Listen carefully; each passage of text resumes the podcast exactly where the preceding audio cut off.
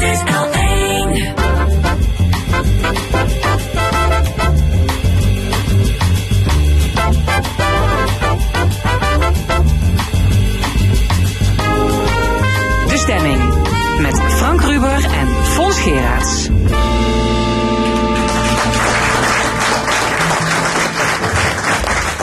Zondag 8 maart, welkom bij De Stemming, het interview- en discussieprogramma van L1 Radio over politiek, cultuur en samenleving. Rechtstreeks vanuit Café Forum in Maastricht. Met vandaag. Een discussie tussen PVV en GroenLinks over de vraag: moet Limburg op zoek naar opvangplekken voor asielzoekers? Marijke Snickers deed onderzoek naar het leven van jonge moeders. En onze economieanalist Bart Verspagen over de effecten van het corona-uitbraak op de economie. Ingrid Schaefer-Poels is twee jaar chef van de politie Limburg. In het tweede uur een gesprek over ondermijnende criminaliteit, het capaciteitstekort en de politiecultuur. Verder een column en het panel discussieert over 100 km per uur en andere actualiteiten. En muziek, en die is vandaag van Good Company. Sing us the song, you're the piano man. Sing us the song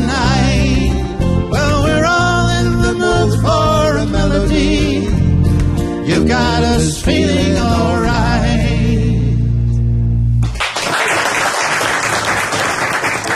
Limburgse gemeenten moeten op zoek naar 1500 nieuwe opvangplekken voor asielzoekers. Gouverneur Theo Bovens roept alle 31 gemeenten op om met voorstellen te komen voor nieuwe locaties. Die oproep is de PVV in het verkeerde keelgat geschoten. De partij vindt dat de gouverneur massa-immigratie steunt en zwicht voor president Erdogan, die de grens met Griekenland heeft opengezet. GroenLinks in Provinciale Staten noemt de opmerkingen van de PVV stuitend en suggestief. In discussie tussen de fractievoorzitters René Klaassen van de PVV en Thea Jette van GroenLinks. Goedemorgen allebei. Goedemorgen. Eh, Goedemorgen. Meneer Klaassen, de verwachting van het ministerie van Justitie en Veiligheid is dat er een tekort ontstaat aan opvanglocaties voor asielzoekers. Eh, ja, Limburg moet zijn deel bijdragen. Eh, is daar iets tegen in te brengen? Ja, er is een, een heleboel tegen in te brengen. Eh, en dat is ook de reden waarom wij daar schriftelijke vragen over gesteld hebben, die we inderdaad scherp hebben geponeerd. Eh, maar de oproep, eh, eh, zoals die gegaan is, eh, is natuurlijk een taak eh, van eh, de gouverneur als Rijksheer om, om dat te doen. Alleen de gezwinde spoed die erachter zat en dat we meer eh, opvangplaatsen moesten realiseren. Daar zijn wij het niet mee eens, omdat de cijfers aantonen dat Limburg al zeker zijn steentje bijdraagt in Nederland. En dat er andere provincies pardon, zijn die eh, meer inwonersaantal hebben en meer plaatsen zouden moeten realiseren, dat niet doen. Eh, dus eh, ja, wij stellen zeker de vraag, ja, waarom dan wij? En ik denk dat Randstad en die provincies nu als eerste aan de beurt zijn om dit op te pakken. Ja, u vindt gewoon dat Limburg al genoeg doet. Ja, wij doen zeker genoeg. Ehm, eh, vorig jaar uit de cijfers had, stonden we min 1. Dus je zegt als je het goed doet, dan sta je op nul. Met min Eh, één? Hoezo? Min, dan dat we nog één opvangplek, eh, of nog één eh, opvangplek zouden kunnen, eh, of één persoon zouden extra moeten realiseren. Dus, eh, en als we nu kijken naar de cijfers, en, eh, ja, ik heb ze erbij. ehm, eh, om zonder in detail te gaan, als de cijfers als je wil, kan ik dat natuurlijk doen. Voldoen wij eh, gewoon aan, aan de norm. En er zijn er andere provincies die eh, eh, een dubbel aantal inwoners eh, hebben, maar wel duizend minder opvangplekken eh, realiseren. Ja, Thea Jette van GroenLinks. Ja. Wat vindt u van eh, ja, het verhaal van ja, je zou het eerlijk moeten verdelen over Nederland. Dus als we genoeg doen, nou, dan houdt het op. Mhm, Ja. ja, ik vind een paar dingen. Eh, punt 1 reageerde ik op deze vragen omdat ik de stellingname vond van eh, Limburg hoeft geen asielzoekers op te vangen. En dat vond ik triest, juist een dag voor de manifestatie van 75 jaar bevrijding van Limburg, waarin we allemaal, nou ja, wij niet persoonlijk, maar de oorlog hebben meegemaakt. En mijn ouders waren evacuees in de oorlog. Die hebben gedwongen huis en haard moeten verlaten. En ik, ik heb altijd gehoord hoe schrijnend dat was en hoe verschrikkelijk. En mijn oma is ook eh, bevallen tijdens eh, die evacuatie. Dus, eh, en, en die 75 jaar. Dus ik vind het onze morele plicht om mensen die oorlogsgeweld ontvluchten, om die op te vangen. En uw vraag was, ja, vindt u dat dat eerlijk verdeeld moet worden? Ja, dat vind ik. Alleen Limburg heeft een aantal plekken toegewezen gekregen. Dat waren er 1100. Eh, de oproep is nu om extra plekken te realiseren. En ik vind dat we dat uh, inderdaad eerlijk moeten verdelen. Uh, alleen dat, dat doen we. Ieder moet zijn deel doen. Dat is een taakstelling vanuit het Rijk. Ja, en dan, dan, daarvoor was mijn punt. Dus dat doen we uh, al. Um, maar ik, ik begrijp uh, uw inbreng ook als u zegt hè, met het verleden en 75 jaar vrijheid. Ik denk, u gebruikt het juiste woord.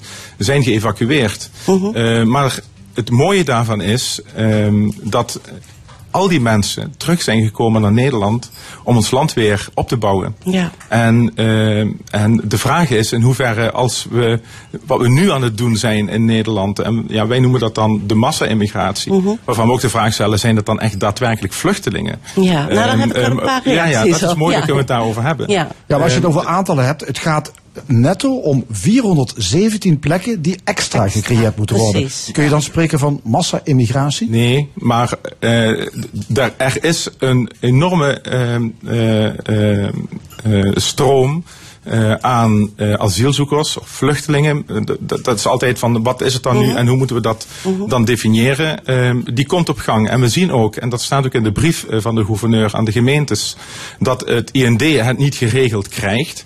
Ehm, omdat er zo'n toevlucht is naar Nederland. En, uh, uh, en aan de andere kant zien we ook wat er gebeurt in uh, Turkije. En ik heb er ook naar gerefereerd in de vragen die ik gesteld heb. Dat ondanks afspraken die we hebben gemaakt met een land om ervoor te zorgen, en dat is ook wat wij als PVV voorstaan, dat we, dat als het daadwerkelijk vluchtelingen zijn die op te vangen in de regio, daar hebben we Turkije geld voor gegeven. En om uh, West-Europa onder druk te zetten, uh, uh, gooit hij die grenzen open. En komt Hamas natuurlijk weer van alles deze kant op. En de vraag is, moeten we dat willen? En gebruik gewoon ons gezond verstand of we dat ook aan kunnen. Ja, maar ja, zullen die vluchtelingen Ja. anders gaan denken als wij hier in Limburg minder gaan opvangen? Uh, nee, ik, ik wil ook even wat zeggen over opvangen in de regio. Libanon heeft een inwonersaantal van 2 miljoen, vangen 4 miljoen mensen op. Uh, Turkije 2,3 miljoen. Dus er wordt enorm veel opgevangen in de regio. Dat barst uit zijn voegen. In Nederland hadden we in 2019 33.000 asielzoekers. Dus als we het over massa hebben, ja, ik noem dat geen massa. Uh, ja, het gaat over de, over de migratie niet alleen naar Nederland, maar de, de, de hele migratie die er gebeurt naar West-Europa. Hè? Ja, alleen als je ziet meer dan 50% vlucht voor oorlogsgeweld. En ja, er zijn mensen ook die uh, komen om een andere reden. Wat mij betreft moet je dat heel snel opvangen in het begin. Als zo'n asielzoekersprocedure kansloos is. Zo snel mogelijk opvangen, uh, afvangen en niet in de asielprocedure laten verschijnen. Ja, maar als, als je vluchteling bent, en dus je bent op, in de op de ene plek waar gevaar is en je bent daar weg, dat betekent op het moment dat je er niet meer bent, het, de, het gevaar uh, geweken is. Hè? Dus dan is het de vraag of je dan nog als vluchteling geoormerkt zou moeten worden. Maar ik zou nog eraan toe uh, willen voegen dat van de week de, de voorzitter van de Provinciaal Platform van Migratie in Limburg heeft aangegeven dat um, ongeveer maar 7 procent uh, van uh, uh, de hele populatie die nu migreert, dat daadwerkelijk mensen zijn uit Syrië en, en, en nog een minder aantal mensen uit andere oorlogsgebieden.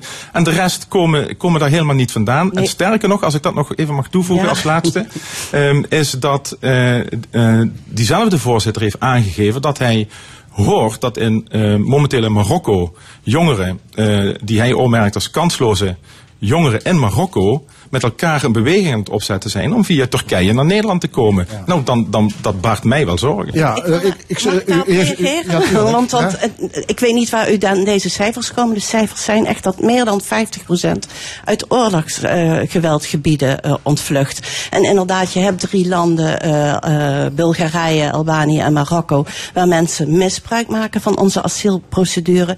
En wat ik zeg, dat wil ik dat dat snel en in het begin wordt aangepakt, zodat Helemaal dat niet meer kan. Ja. Ja. U heeft, uh, meneer Klaassen, u, u, u, noemde een aantal principiële problemen die u heeft met de migratiestromen. Van de andere kant is natuurlijk ook een praktisch probleem. Die mensen komen, die zijn hier, die moeten wel opgevangen worden. Er moet wel een procedure gestart worden en je zal voor opvang moeten zorgen.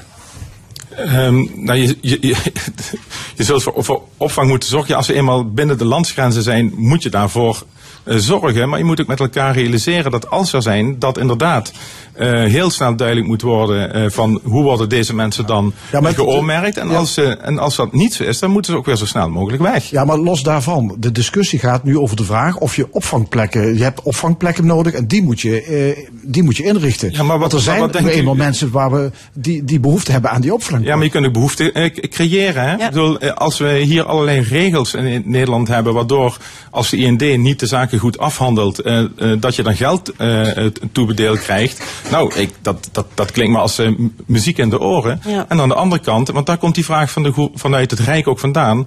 IND handelt het niet goed eh, af. We zien dat er in Turkije van alles aan de hand is. We verwachten dus een enorme toename van eh, eh, eh, m- migranten.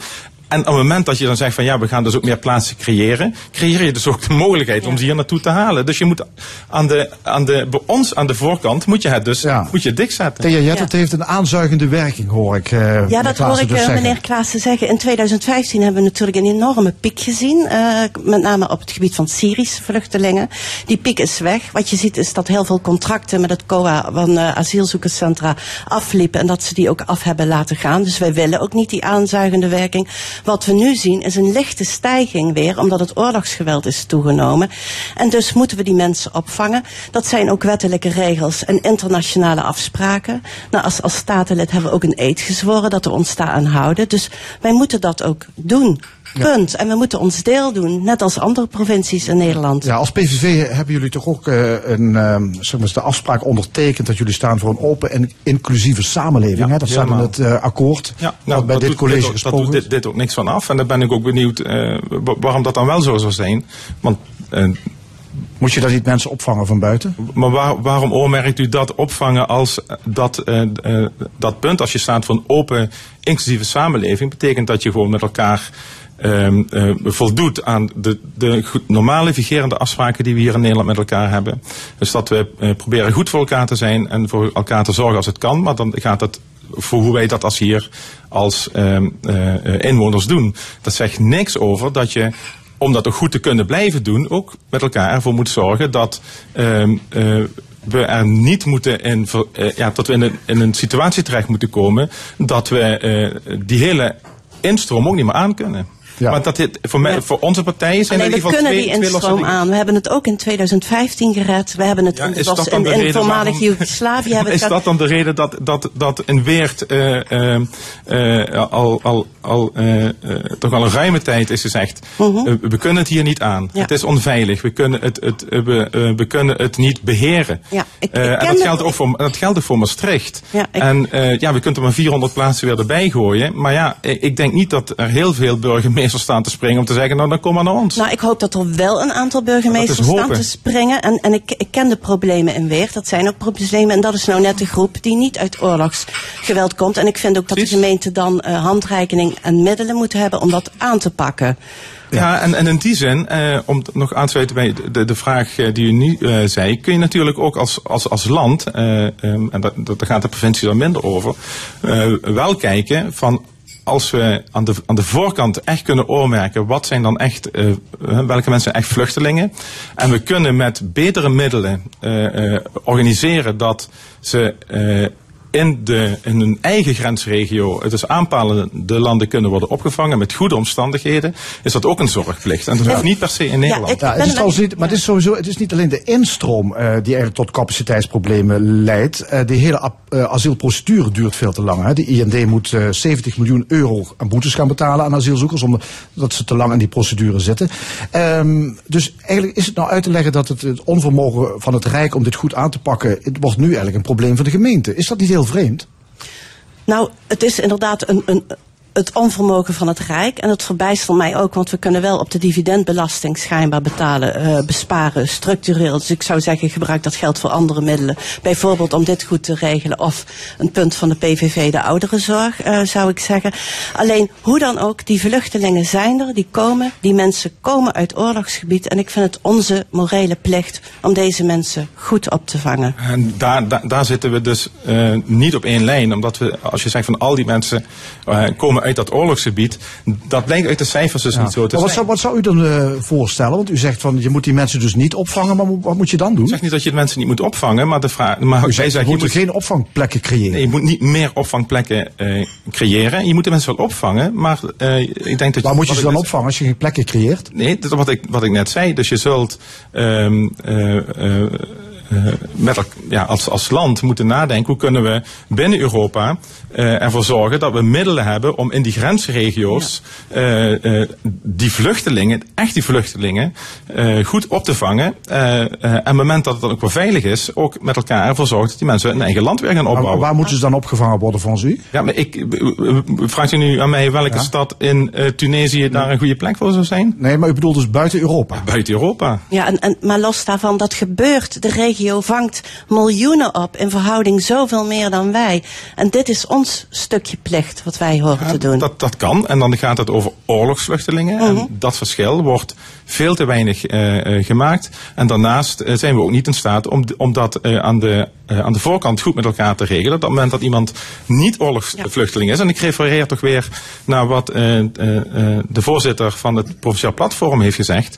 Eh, de- we creëren daarmee dat via Tur- Turkije mensen hier- hier naartoe komen die niet oorlogsvluchting zijn, maar wel denken van hier is het wel heel goed toeven Ja. in Nederland. En mevrouw Jette, GroenLinks, hebben wij het inderdaad als Europa ook niet laten liggen eh, door na die Turkije-deal eh, gewoon helemaal niks meer te ondernemen en de vluchtelingen Wij hebben het te laten ontzettend nou laten liggen. En, en die Turkije-deal, daar zitten natuurlijk heel veel nadelen aan, waar heel erg op gewezen is. En daar plukken we nu de wrange vruchten van. Dus eh, ja, klopt. Ja, ja, Ja, onder, ondermijnt dit de zal ik maar zeggen, draagvlak voor de opvang van vluchtelingen? Ja, ik hoop het niet, want ik denk als we allemaal in ons hart kijken en, en echte vluchtelingen, dan, dan, dan kan ik me niet voorstellen dat we die niet willen opvangen. Dus echte vluchtelingen. Daar heb nog, ja, ik, ik val in herhaling. nee, maar ik- maar daar- daarin ondersteun ik u ook, eh, en ik zeg ook, en ook, ook ik ben ervoor om, om juist in die hele, en dat begin, om daar heel goed te kijken, kritisch te kijken. En daar ligt een taak van het Rijk. Maar dat wil niet zeggen dat we nu die extra eh eh toewas die we nu verwachten, Ja. dat we die mensen in de kou moeten laten Ja, staan. dan- dat wil dan, ik niet. En, en dan, en dan komen, komen, komen we dus bij het punt waar ik mee begon. Volgens de cijfers doen wij echt voldoende. En ik zou zeggen, eh, de provincie eh, Zuid-Holland en Noord-Holland Ja. eh, en, en Utrecht, kom maar eens over, over de brug. Want jullie kunnen met elkaar nog 4000 op, opvangplekken regelen. Hoeven wij die 400 in Limburg er niet bij te hebben. Oké, uw punt is duidelijk. Dank u wel. René Klaassen van de PVV en Thea Jette van GroenLinks.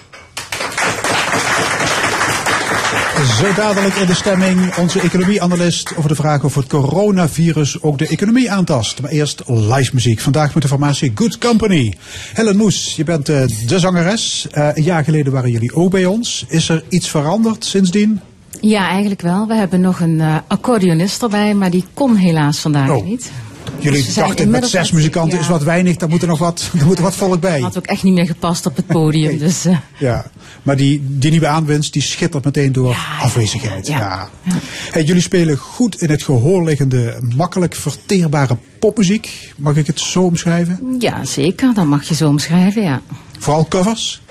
Eh, het zijn met name covers, maar we hebben ook wel een aantal eigen nummers die geschreven zijn door Wil. Wil Nelemans, onze gitarist, singer-songwriter. Maar dat is ja, een klein deel van het eh, repertoire. Ja, Wil is de zanger. Jij zingt ook. Op de website lees ik dat je als kind op de schommelstoel zelfgemaakte melodietjes zong in een zelfgemaakte taal. Ja, klopt. Dus het zat er al vroeg Ja, in. het zat er al heel vroeg in, ja. ja. Ja. Ik vond het heel leuk om die klanken te imiteren, weet je wel, Duits, Frans of Zweeds. En eh, daar kon ik me dan eh, mee bezighouden. Ja, en later werd je fan van Robert Long en van Kate Bush. Ja. Waar- waarom die twee?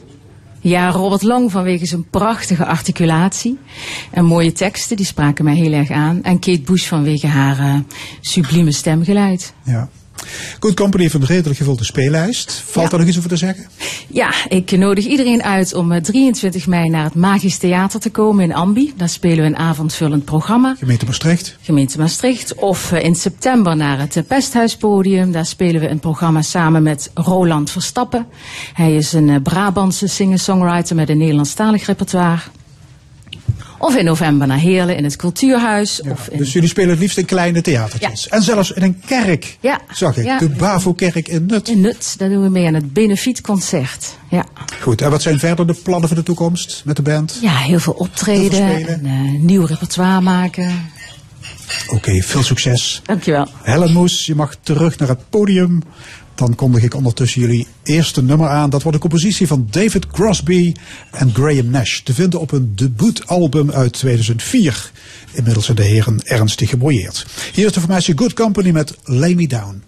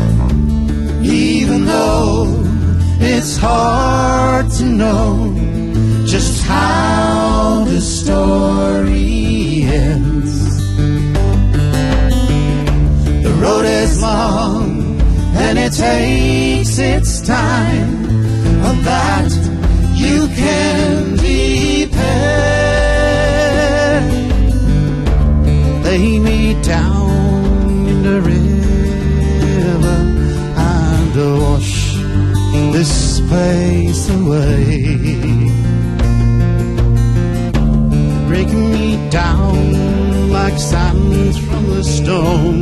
The I'll behold again one day. Lay me down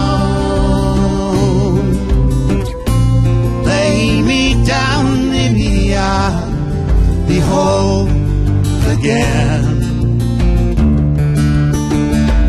Lay me down,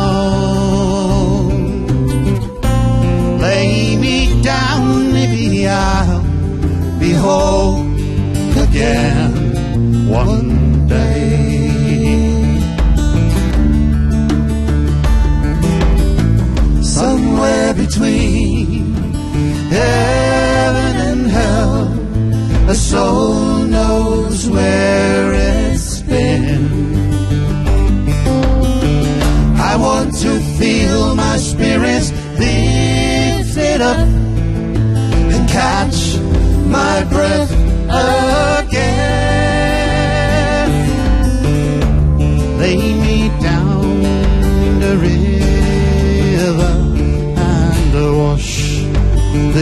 Space away.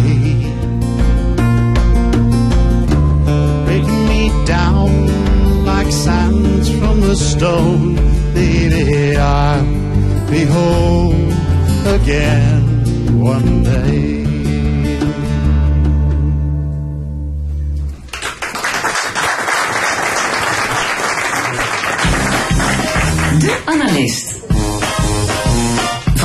Met economie-analyst Bart Verspagen.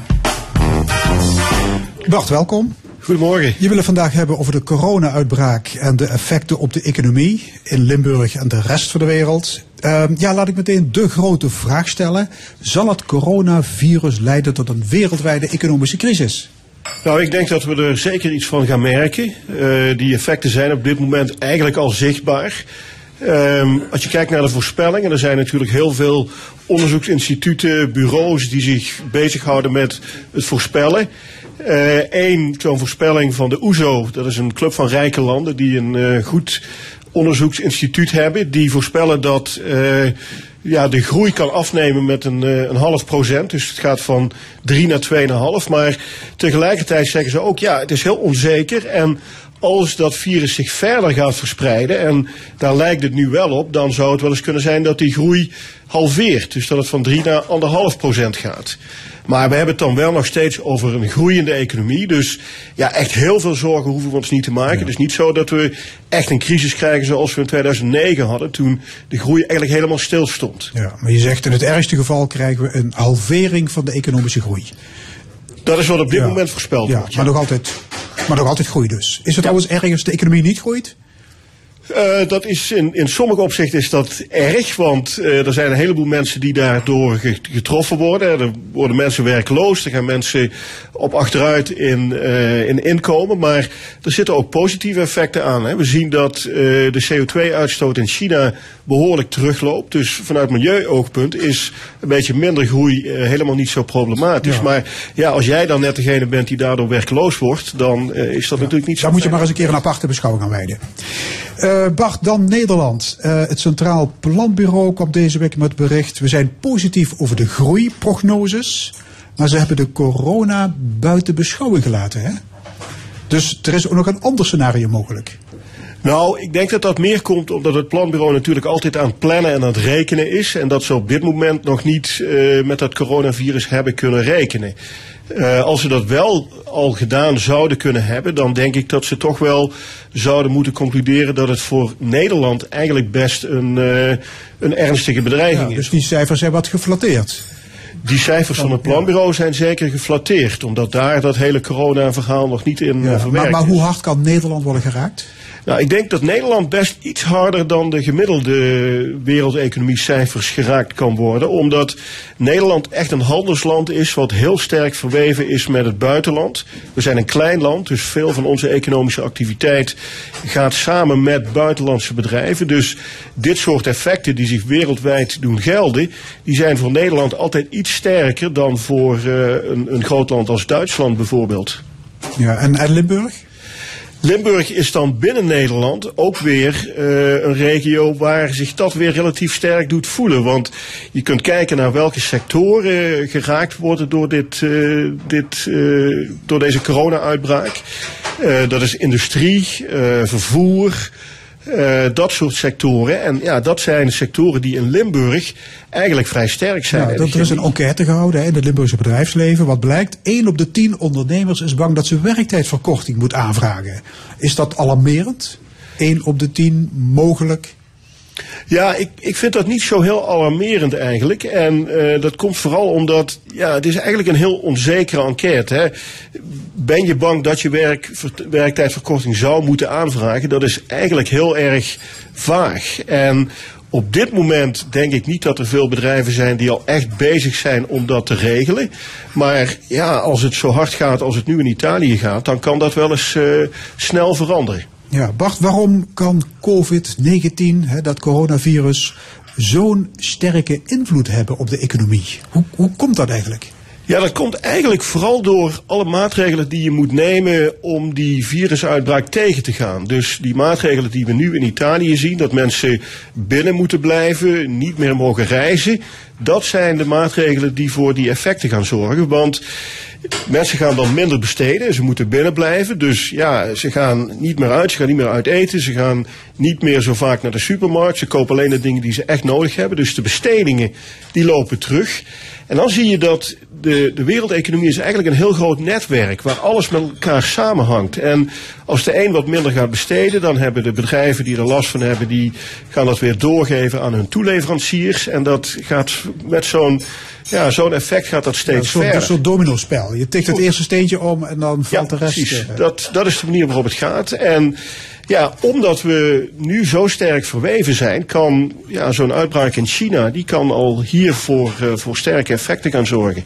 En zeker als het dan dichterbij komt, ja, dan wordt het allemaal nog sterker. Ja, ik hoorde trouwens collega-economen van jou al voorspellen dat misschien die globalisering op den duur eh, juist wel eens teruggedraaid zou kunnen worden ten dele. Omdat bedrijven misschien gaan denken, ik ga mijn productie niet naar verre landen uitbesteden, naar China, maar ik hou het wat dichterbij. Dan heb ik het toch wat beter in de hand, want je ziet wat er nu gebeurt. Zou, zou dat inderdaad misschien wereldwijd straks tot ja, grote veranderingen kunnen leiden, zo'n zo'n virus?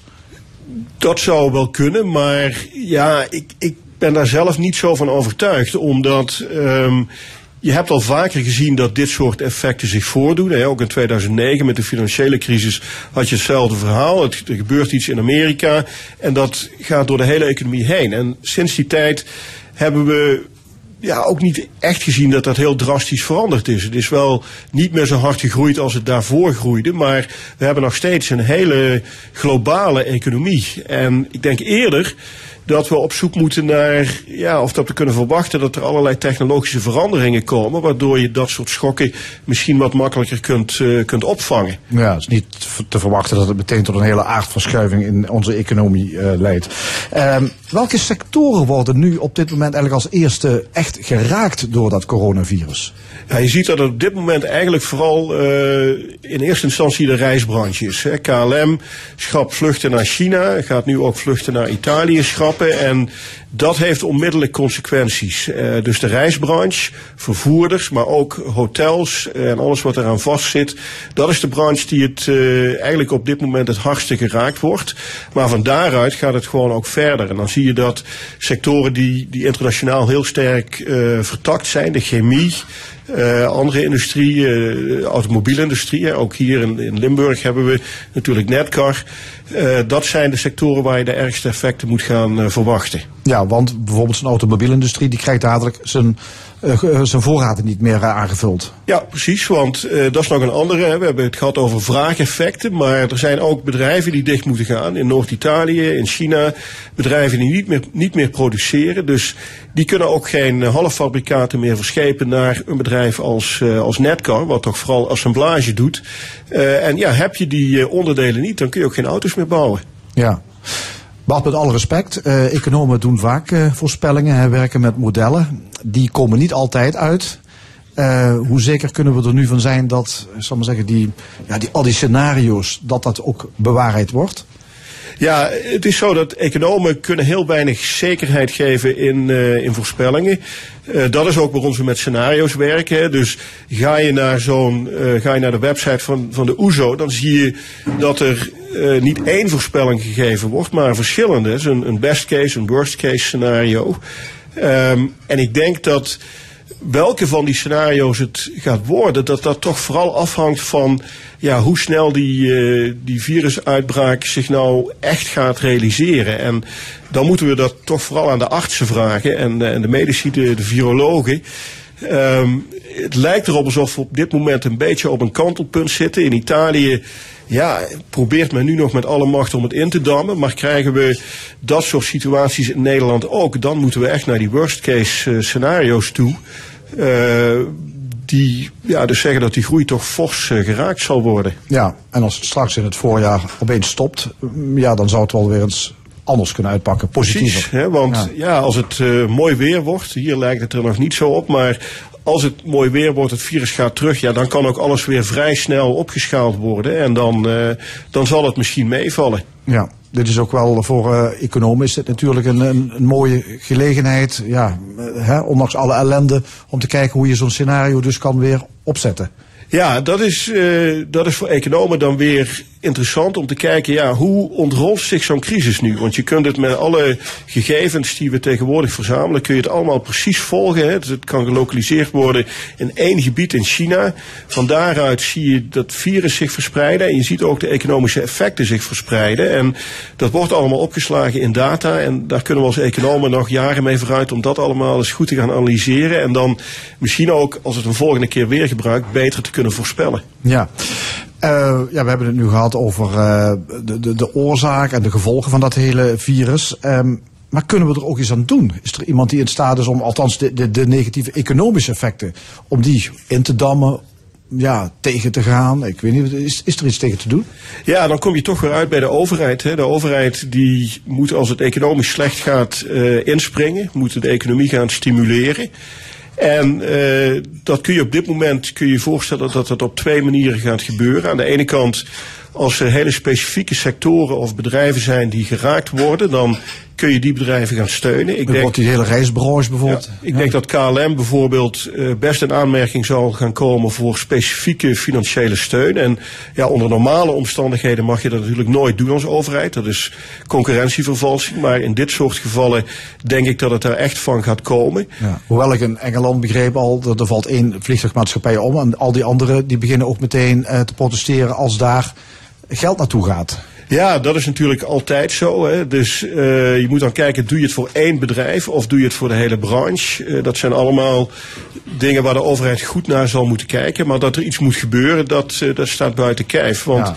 ja. die bedrijven op zich kunnen gezond zijn, maar ja, door, door, dit, soort, um, door dit soort crisissen kunnen ze gewoon omvallen. Ja, dan gaat het bedrijfsgericht om steun bedrijfsgericht, maar zou je ook gewoon ja, als overheid misschien wel gewoon nog veel groter moeten denken?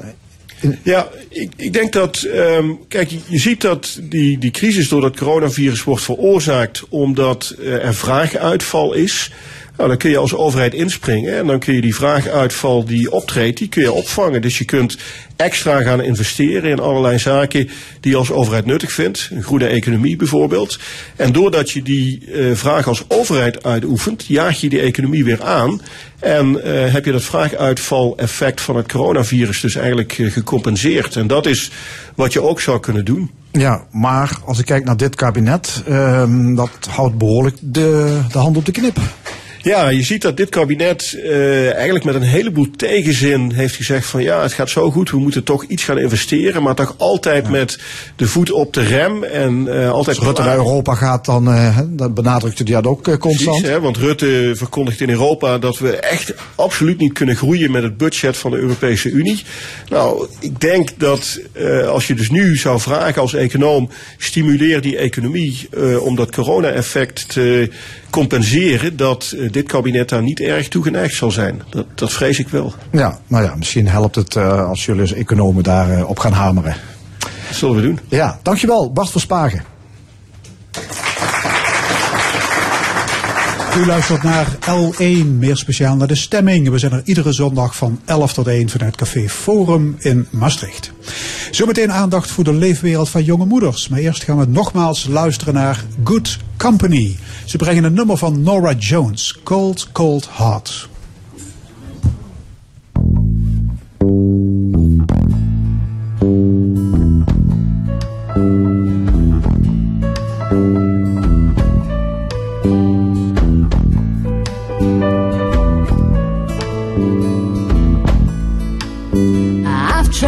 So hard, my dear, to show that you're my every dream.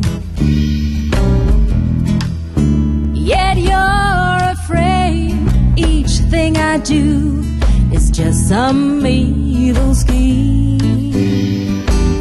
A memory from your lonesome past keeps us so far apart.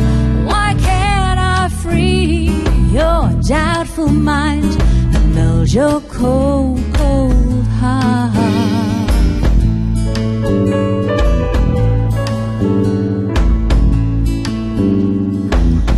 Another love before my time made your heart sad and blue. And so my heart is paying now for things I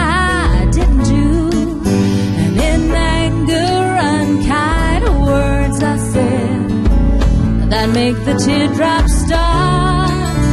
Why can't I free your doubtful mind and melt your cold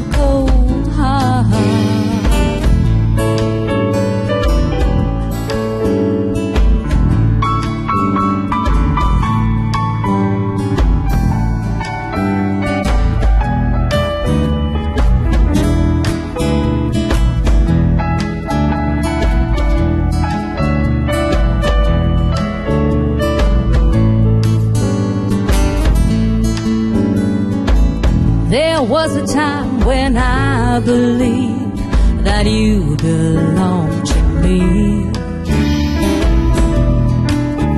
But now I know your heart is shackled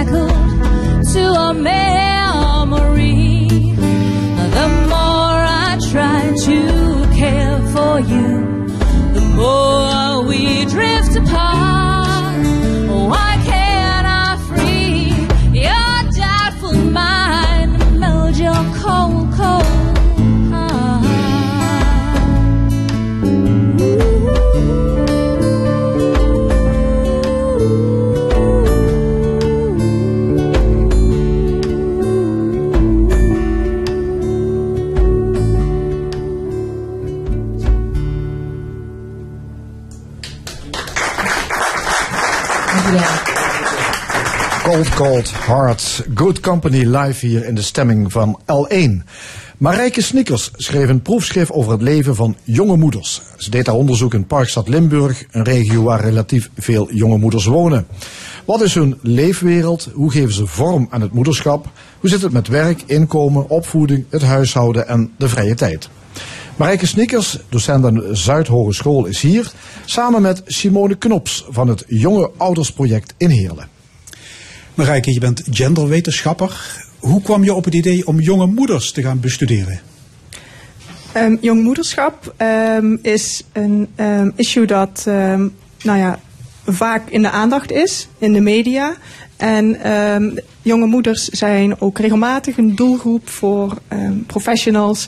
En het is iets waar uh, beleidsmakers uh, zich ook regelmatig over buigen. Jongmoederschap. En ja, hoe gaan we daarmee om? Hoe kunnen we daar uh, aan jonge moeders ja, handvatten bieden? Media-aandacht richt zich met name op tienermoeders. Hè? De extreem jonge moeders, heb ik het idee. Ja, dat ja. klopt. Ja, ja, en daar zit een verschil tussen. Hè. In mijn onderzoek heb ik me vooral gericht op um, jongere vrouwen die um, voor hun 24ste kinderen hebben gekregen.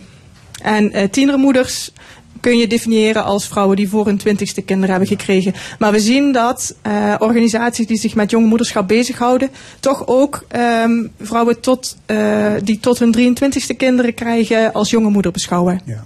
Nu worden jonge moeders over het algemeen gezien als problematisch. Schrijf je ook in je proefschrift. In welke zin?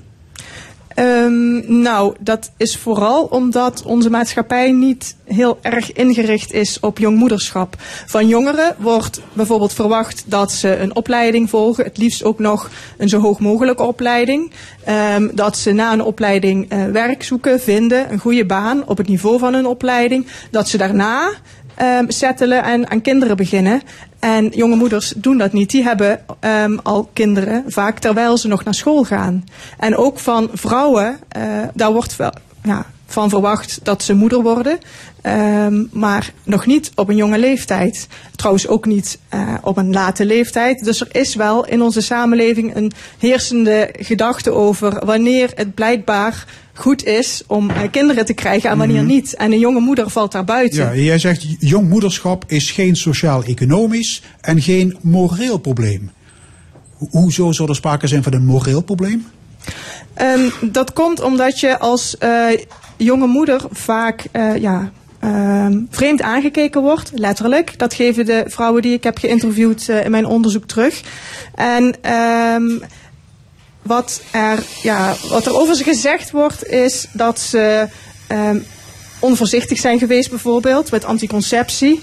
En dat ze niet precies uh, wisten hoe de pil werkte. En dus dat ze daarmee eigenlijk uh, niet slim genoeg waren of um, ja, uh, in seksueel opzicht um, te, te ja, vroeg grijp ja, bijvoorbeeld. Is, is er een groep vrouwen die, die al snel wordt gestigmatiseerd? Ja, zeker. Ja, dat, uh, dat, daar komen de meiden die ik uh, heb gesproken wel regelmatig op terug inderdaad. Ja, Simone Knops, je bent jeugdconsulent. ja, krijg, waarom krijgt deze groep aandacht van het welzijnswerk? Ja, goed, wat ik voornamelijk wil vertellen hè, is dat het jonge ouderproject zich met name richt uh, om de kwaliteit van leven, maar ook om uh, het zelfvertrouwen van deze mensen te versterken. Om op die manier te kunnen participeren in de maatschappij. Dus daar is eigenlijk ook die zorg op ingericht. En het jonge ouderproject bestaat uit een aantal professionals vanuit diverse expertises. Denk daarbij bijvoorbeeld aan de GGZ of uh, mensen die gespecialiseerd zijn in de vroege ontwikkeling van het kind tot het eerste of tweede levensjaar of de latere ontwikkelingsfases. En wij willen de ouders zo goed mogelijk ondersteunen om binnen hun vermogen in staat te zijn om zorg te kunnen dragen voor het kind. Ja. Maar Rijke, waarom heb jij onderzoek gedaan in Parkstad? Um, omdat uh, Parkstad in een aantal opzichten um, ja, interessant is. Um, jonge moeders komen relatief vaak voor, of jongmoederschap komt relatief vaak voor. Er zijn relatief veel jonge moeders in Parkstad. Als je het vergelijkt met uh, andere delen in, in Nederland. Ja, ja, Parkstad is een, is een achterstandsregio. Zelf gebruik je het woord gemarginaliseerd. Is dat meteen ook een verklaring voor het grote aantal jonge moeders? Ja, dat is een vraag die heel vaak gesteld wordt en daar is uh, geen eenduidig antwoord op te geven. Aan de ene kant zie je in onderzoek juist dat uh, er gezegd wordt en dat resultaten laten zien dat je als je in een zogenaamde achterstandsregio woont waarin veel werkeloosheid is, laag opleidingsniveau, ehm, dat dan moederschap een ehm, optie is die vaker voorkomt dan in eh, andere eh, regio's. Um, maar aan de andere kant um, laat, uh, laat onderzoek uh, ook zien dat juist um, als je jongmoeder bent, het lastiger is om je opleiding af te maken en om een uh, baan te vinden, zodat je in een zogenaamde uh, achterstandsregio terechtkomt, omdat het niet lukt bijvoorbeeld om in een andere wijk uh, ja, een, een woning te betalen, Ja. heel praktisch gezien. Oké, dat is het antwoord voor de wetenschapper. Uh, Marijke, of Simone, jij bent van de praktijk. Uh, waarom zijn er zoveel, relatief zoveel jonge moeders in de regio Heerlen, Parkstad, Hoensbroek? Ja, goed, de waarom-vraag die kan ik niet heel duidelijk beantwoorden. Hè. Ik denk dat daar de wetenschap misschien ook wel voor nodig is uh, om te gaan kijken van nou, welke leefgebieden uh, uh, zijn dan nodig om te verbeteren. Maar wat wij wel zien vanuit CBS-cijfers is dat het gemiddelde van aantal jonge moeders een stuk hoger ligt dan als je het vergelijkt met de rest van Nederland. Dat is gewoon een gegeven, maar ik denk niet dat we op zoek moeten gaan naar de waarom van dat verhaal. Ik denk dat het dat veel belangrijker is om goed te gaan kijken wat is er nodig om deze mensen vanuit hun kracht te kunnen laten functioneren. En dat ze juist ook uh, uh, ja, de juiste middelen krijgen om te kunnen participeren op school, in het werk uh, en in het ouderschap. Ja, precies, want dat is wat ik in mijn onderzoek ook naar voren heb laten komen. We hebben het nu gehad over waarom jongmoederschap zo problematisch is. Mm. Maar um, eigenlijk is het precies wat Simone zegt, um, de andere kant van het verhaal. En wat is er voor die jonge moeders zo belangrijk in hun leven? Hoe ziet hun wereld eruit? En uh, vooral ook, ja, hoe kan uh, dan uh, een professional zoals Simone daar op een goede manier op inspelen? Ja, maar vindt, een, vinden die jonge moeders het zelf dan ook problematisch? Want ik, er zit wel dus beleid op, er zijn wetenschappers houden zich erbij bezig, maar ervaren die dat zelf ook als een probleem, dat ze jonge moeder zijn? Nou, ik heb um, een van de resultaten uit mijn proefschrift is dat niet de leeftijd daarin een issue is, maar wel het feit dat ze bijvoorbeeld als ze aan het werk zijn, um, vaak uh, flexibele diensten hebben of onregelmatige diensten, waardoor ze in het weekend of s avonds moeten werken. En als er dan een netwerk is van uh, opa's en oma's die ook werken, uh, is het veel lastiger om opvang te vinden, omdat de opvang maar tijdens kantooruren open is. Of bijvoorbeeld als je als jongere naar school gaat um, en je hebt geen zwangerschapsverlof of bevallingsverlof, dan is het wel heel erg moeilijk om je studie binnen die gestelde tijd af te ronden. En dat um, maakt um, niet zozeer um, de leeftijd een issue, maar wel het feit dat je moeder zijn combineert met werk of een opleiding. En daar is, ja, dat is wat ik daar straks al zei, dat is een praktisch voorbeeld van hoe onze samenleving daar niet echt op ingericht is. Ja, je hebt het leven eigenlijk onderzocht. Je hebt gesproken ja. met 41 jonge moeders hè, in Barkstad. Ja, ik heb, daar heb je lange, diepgaande gesprekken mee gevoerd. Ja, ja, wat wilde jij nou precies aan de weet komen? Ik wilde kort en krachtig aan de weet komen. Hoe ziet je leven eruit en hoe combineer jij de zorg voor je kind met alle andere activiteiten die je nog uh, in het dagelijks leven doet? Ja, en kon je ze makkelijk overhalen of uh, dachten ze wat moeten we met die uh, snoeshaan van de universiteit? Het was geen kwestie van overhalen, gelukkig. Nee. nee je bent nee. zelf moeder, dat, dat scheelt misschien, hè? Um, ja, dat scheelt, maar dat wisten zij niet um, aan het, ja, uh, het, het, eerste gesprek dat ik uh, met ze voerde. Um, ik heb ook via, uh, via via heb ik contacten gelegd met jonge moeders. En ik ben bij twee jonge moedergroepen van twee welzijnsorganisaties betrokken geraakt. En daar heb ik ja, heel vaak bijeenkomsten bij gewoond. Simone, je bent van het JOP, hè, het Jong, Jonge Oudersproject in Heerlen. Je zei tegen mij dat is een kwetsbare doelgroep. In, in welk opzicht? Nou ja, goed, ik denk dat dat uh, hetgeen is wat Marijke ook benoemt. Hè? In de zin van, um, zijn ze in staat om goed te kunnen participeren in de maatschappij? En soms wordt dat wat lastig gemaakt doordat uh, de maatschappij daar niet op de juiste middelen is op ingericht. En dat is juist... Er is geen sociaal netwerk, vaak ook financiële problemen. Nou ja, goed, ik wil dat niet stigmatiseren. Huiselijk geweld. Nee, ja, goed, dan wil ik het. Nou, dat is niet de tak waar wij het over hebben vanuit het jonge ouderproject. Waar wij met name op gericht zijn, is dat we deze mensen een duwtje in de rug kunnen geven, een steuntje in de rug kunnen zijn, om juist goed te kunnen participeren. Ja, en wat doen jullie concreet voor die jonge ouders? Wij eh, zijn een club van eh, professionals, wat ik zojuist ook zei, vanuit verschillende expertises. En wij bieden laagdrempelige hulp eigenlijk op alle hulpvragen die er zijn. En dat kan heel laagdrempelig zijn. Eh, dat kan een, een enkelvoudige vraag zijn, kunnen ook meerdere vragen zijn. En dat is in principe wat wij doen. Daarnaast biedt het job ook ruimte voor... Ik snap, ik snap toch niet helemaal wat jullie doen? Ja, nou ja, we bieden dus vanuit bijvoorbeeld GGZ eh, eh, ondersteuning. Hè. Dus op het moment dat iemand niet lekker in zijn vel zit, dan kan daar een professional vanuit de GGZ ondersteuning bieden in bijvoorbeeld de Die thuissituatie. gaat op huisbezoek. Op huisbezoek inderdaad, praten met de, met de ouders. Kijken wat er dan bijvoorbeeld nodig is. En dan zetten we, eh, kijken we welke hulpverlener daar het beste bij kan Er is aansluiten. ook een mama-café.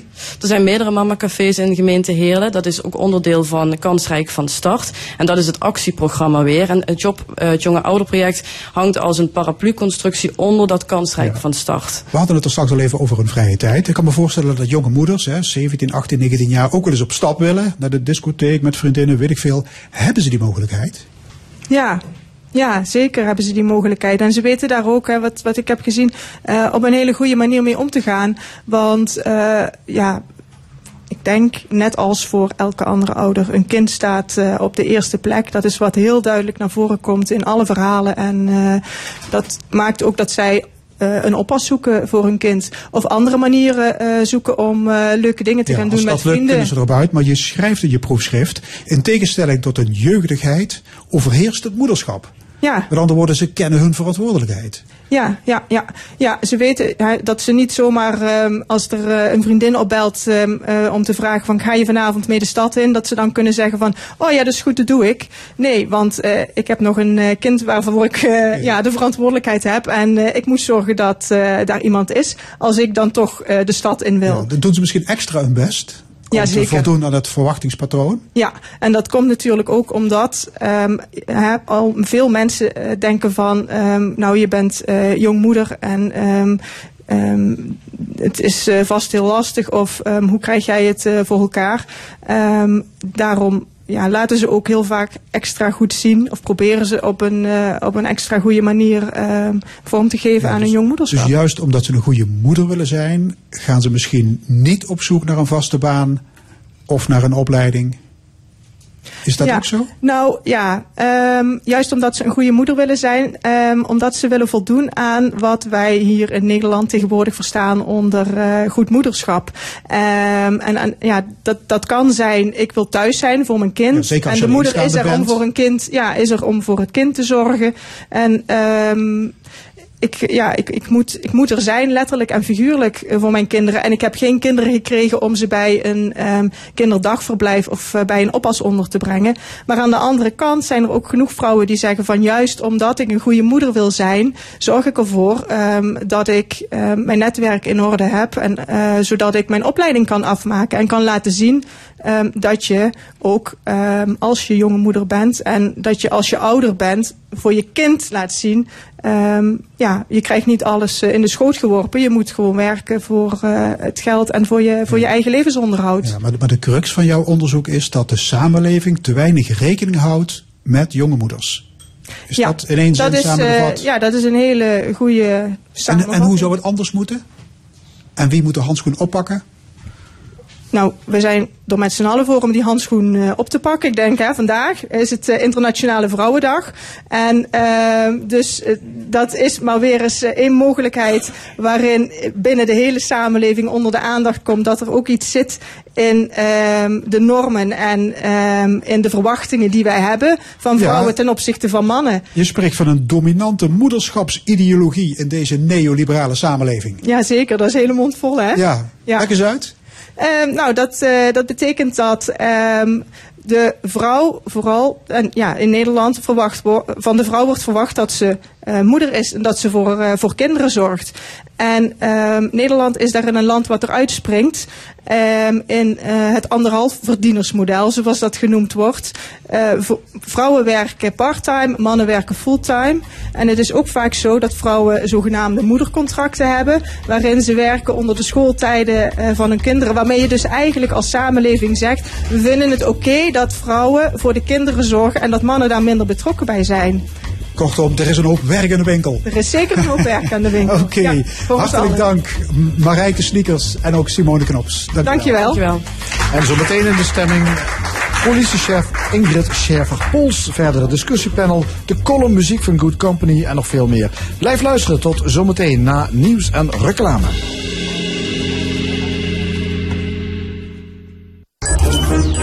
Blaaskracht kunt u luisteren naar het recente concert van het Limburgse Symfonieorkest Heritage Sinfonietta. Met muziek van Schubert, Mozart, Pert en Granger. Solist is clarinetist Arno Pieters. Heritage Sinfonietta staat onder leiding van Martijn Pepels. Dat allemaal in Blaaskracht. Vanavond van 6 tot 9 op L1 Radio.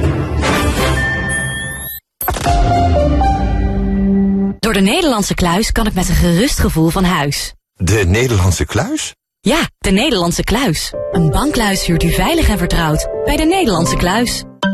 Heeft u thuis nog een oude energieverslindende wasmachine of droger? Stap dan snel over op een nieuw energiezuinig model en bespaar honderden euro's op uw energierekening. Ruil nu uw oude apparaat in bij EP Tummers en u ontvangt tot wel 200 euro inruilkorting. EP Tummers. Enthousiast, gastvrij en betrouwbaar. Ga naar de Nederlandse Een bankluis huurt u veilig en vertrouwd bij de Nederlandse kluis. Wist u dat de heerlijke maaltijden van Appetito gratis thuis worden bezorgd door heel Nederland? Zo ook bij de heer Steenberg in Den Bosch. Ja, het is gewoon makkelijk en er is volop keuze. Appetito kookt ook graag voor u. Appetito. Kijk op appetito.nl. Zo, zeker weten lekker, dit kleine droppie. Lekker, Ronida. Je hoort het. Van Den Haag tot Enschede. Heel Nederland vindt kleine suikervrije drop lekker. Probeer het zelf. Vijf heerlijke maaltijden voor slechts 19,95. Appetito. Dit is L1 met het nieuws van 12 uur. Katrien Straatman met het NOS-journaal. Het noorden van Italië gaat op slot. Gisteren steeg het aantal besmettingen ineens explosief met 1200 nieuwe gevallen. Dat bracht premier Conte ertoe om mensen in de regio Lombardije en 14 noordelijke provincies te verbieden naar andere regio's te reizen. Ze moeten zoveel mogelijk thuis blijven. De maatregelen duren in elk geval tot 3 april en treffen zo'n 16 miljoen Italianen. Het ministerie van Buitenlandse Zaken in Den Haag past het reisadvies voor Italië niet opnieuw aan. Pas als een regio echt gevaarlijk wordt, gaat een negatief reisadvies gelden, zegt een woordvoerder. De Grand Prix van Bahrein wordt 22 maart zonder toeschouwers verreden. De organisatie van de Formule 1 race wil geen enkel risico nemen met het oog op de uitbraak van het coronavirus, omdat er duizenden internationale reizigers op afkomen. In Bahrein zijn nu 83 besmettingen vastgesteld, vooral bij mensen die in Iran waren geweest. Voor de Russische ambassade in Den Haag zijn vanochtend weer 298 lege stoelen neergezet. De werkgroep Waarheidsvinding MH17 deed dat uit protest tegen de houding van Rusland. Moskou ontkent alle betrokkenheid bij het neerhalen van het toestel op 17 juli 2014. Morgen is de eerste zitting in het proces tegen vier verdachten in het MH17-proces. De stoelen symboliseren het aantal omgekomen mensen bij de MH17-ramp. Honderden gezinnen in Deventer hebben hun huis moeten verlaten omdat er vandaag een grote bom uit de Tweede Wereldoorlog wordt ontmanteld. De A1 is tot 9 uur vanavond in beide richtingen afgesloten tussen Deventer en Twello. Ook het scheepvaartverkeer over de IJssel is tijdelijk gestremd. Het weer, bewolking en regen trekt van west naar oost. Vanmiddag klaart het vanuit het westen weer wat op. Wel blijft er kans op een buitje. Het is 8 tot 10 graden. Het waait behoorlijk. Vanavond wordt het wat minder. Morgen wisselen zon en bewolking elkaar af bij opnieuw 10 graden. Tegen de avond volgt weer regen. Dit was het NOS Journaal. Tuinmachines nodig? Stiel Heggescharen bij Frisse in Valkenburg. Het beste voor buiten. wozmeldpunt.nl Is uw WOZ-waarde te hoog? Maak gratis bezwaar en bespaar direct tot honderden euro's. Ga naar wozmeldpunt.nl Nieuwe bus nodig, duizend en één mogelijkheden? Stress! Mocht er eens een dingetje zijn, Renault Pro Plus bedrijfswagens lost het op. Met advies passend bij jouw specifieke branche. Kijk op Renault.nl. Slecht weer. Goed nieuws. 15% IKEA Family Korting op alle eettafels. En voor de optimist ook op alle tuintafels. Dus als je slim bent, ga je uiterlijk 23 maart naar IKEA of IKEA.nl. IKEA, iedereen slim. Bij Ring hebben we de deurbel opnieuw uitgevonden. Dus waar je ook bent, hoe laat het ook is, je kan je huis in de gaten houden met de Ring videodoorbel. Zie, hoor en spreek met wie er voor je deur staat. Gewoon op je telefoon. Ring Video Doorbel. Verkrijgbaar op ring.com en de betere retailer. Wat maakt boodschappen doen bij Jumbo nou goedkoper dan bij andere winkels? Dat zit hem in de laagste prijsgarantie. En niet te vergeten onze seizoensaanbiedingen. Zoals Ariel of Lenore 1 plus 1 gratis. En Pampers Pants Pure en Premium Protection maat 1 en 2 ook 1 plus 1 gratis. Kijk, dat maakt Jumbo elke dag euro's goedkoper.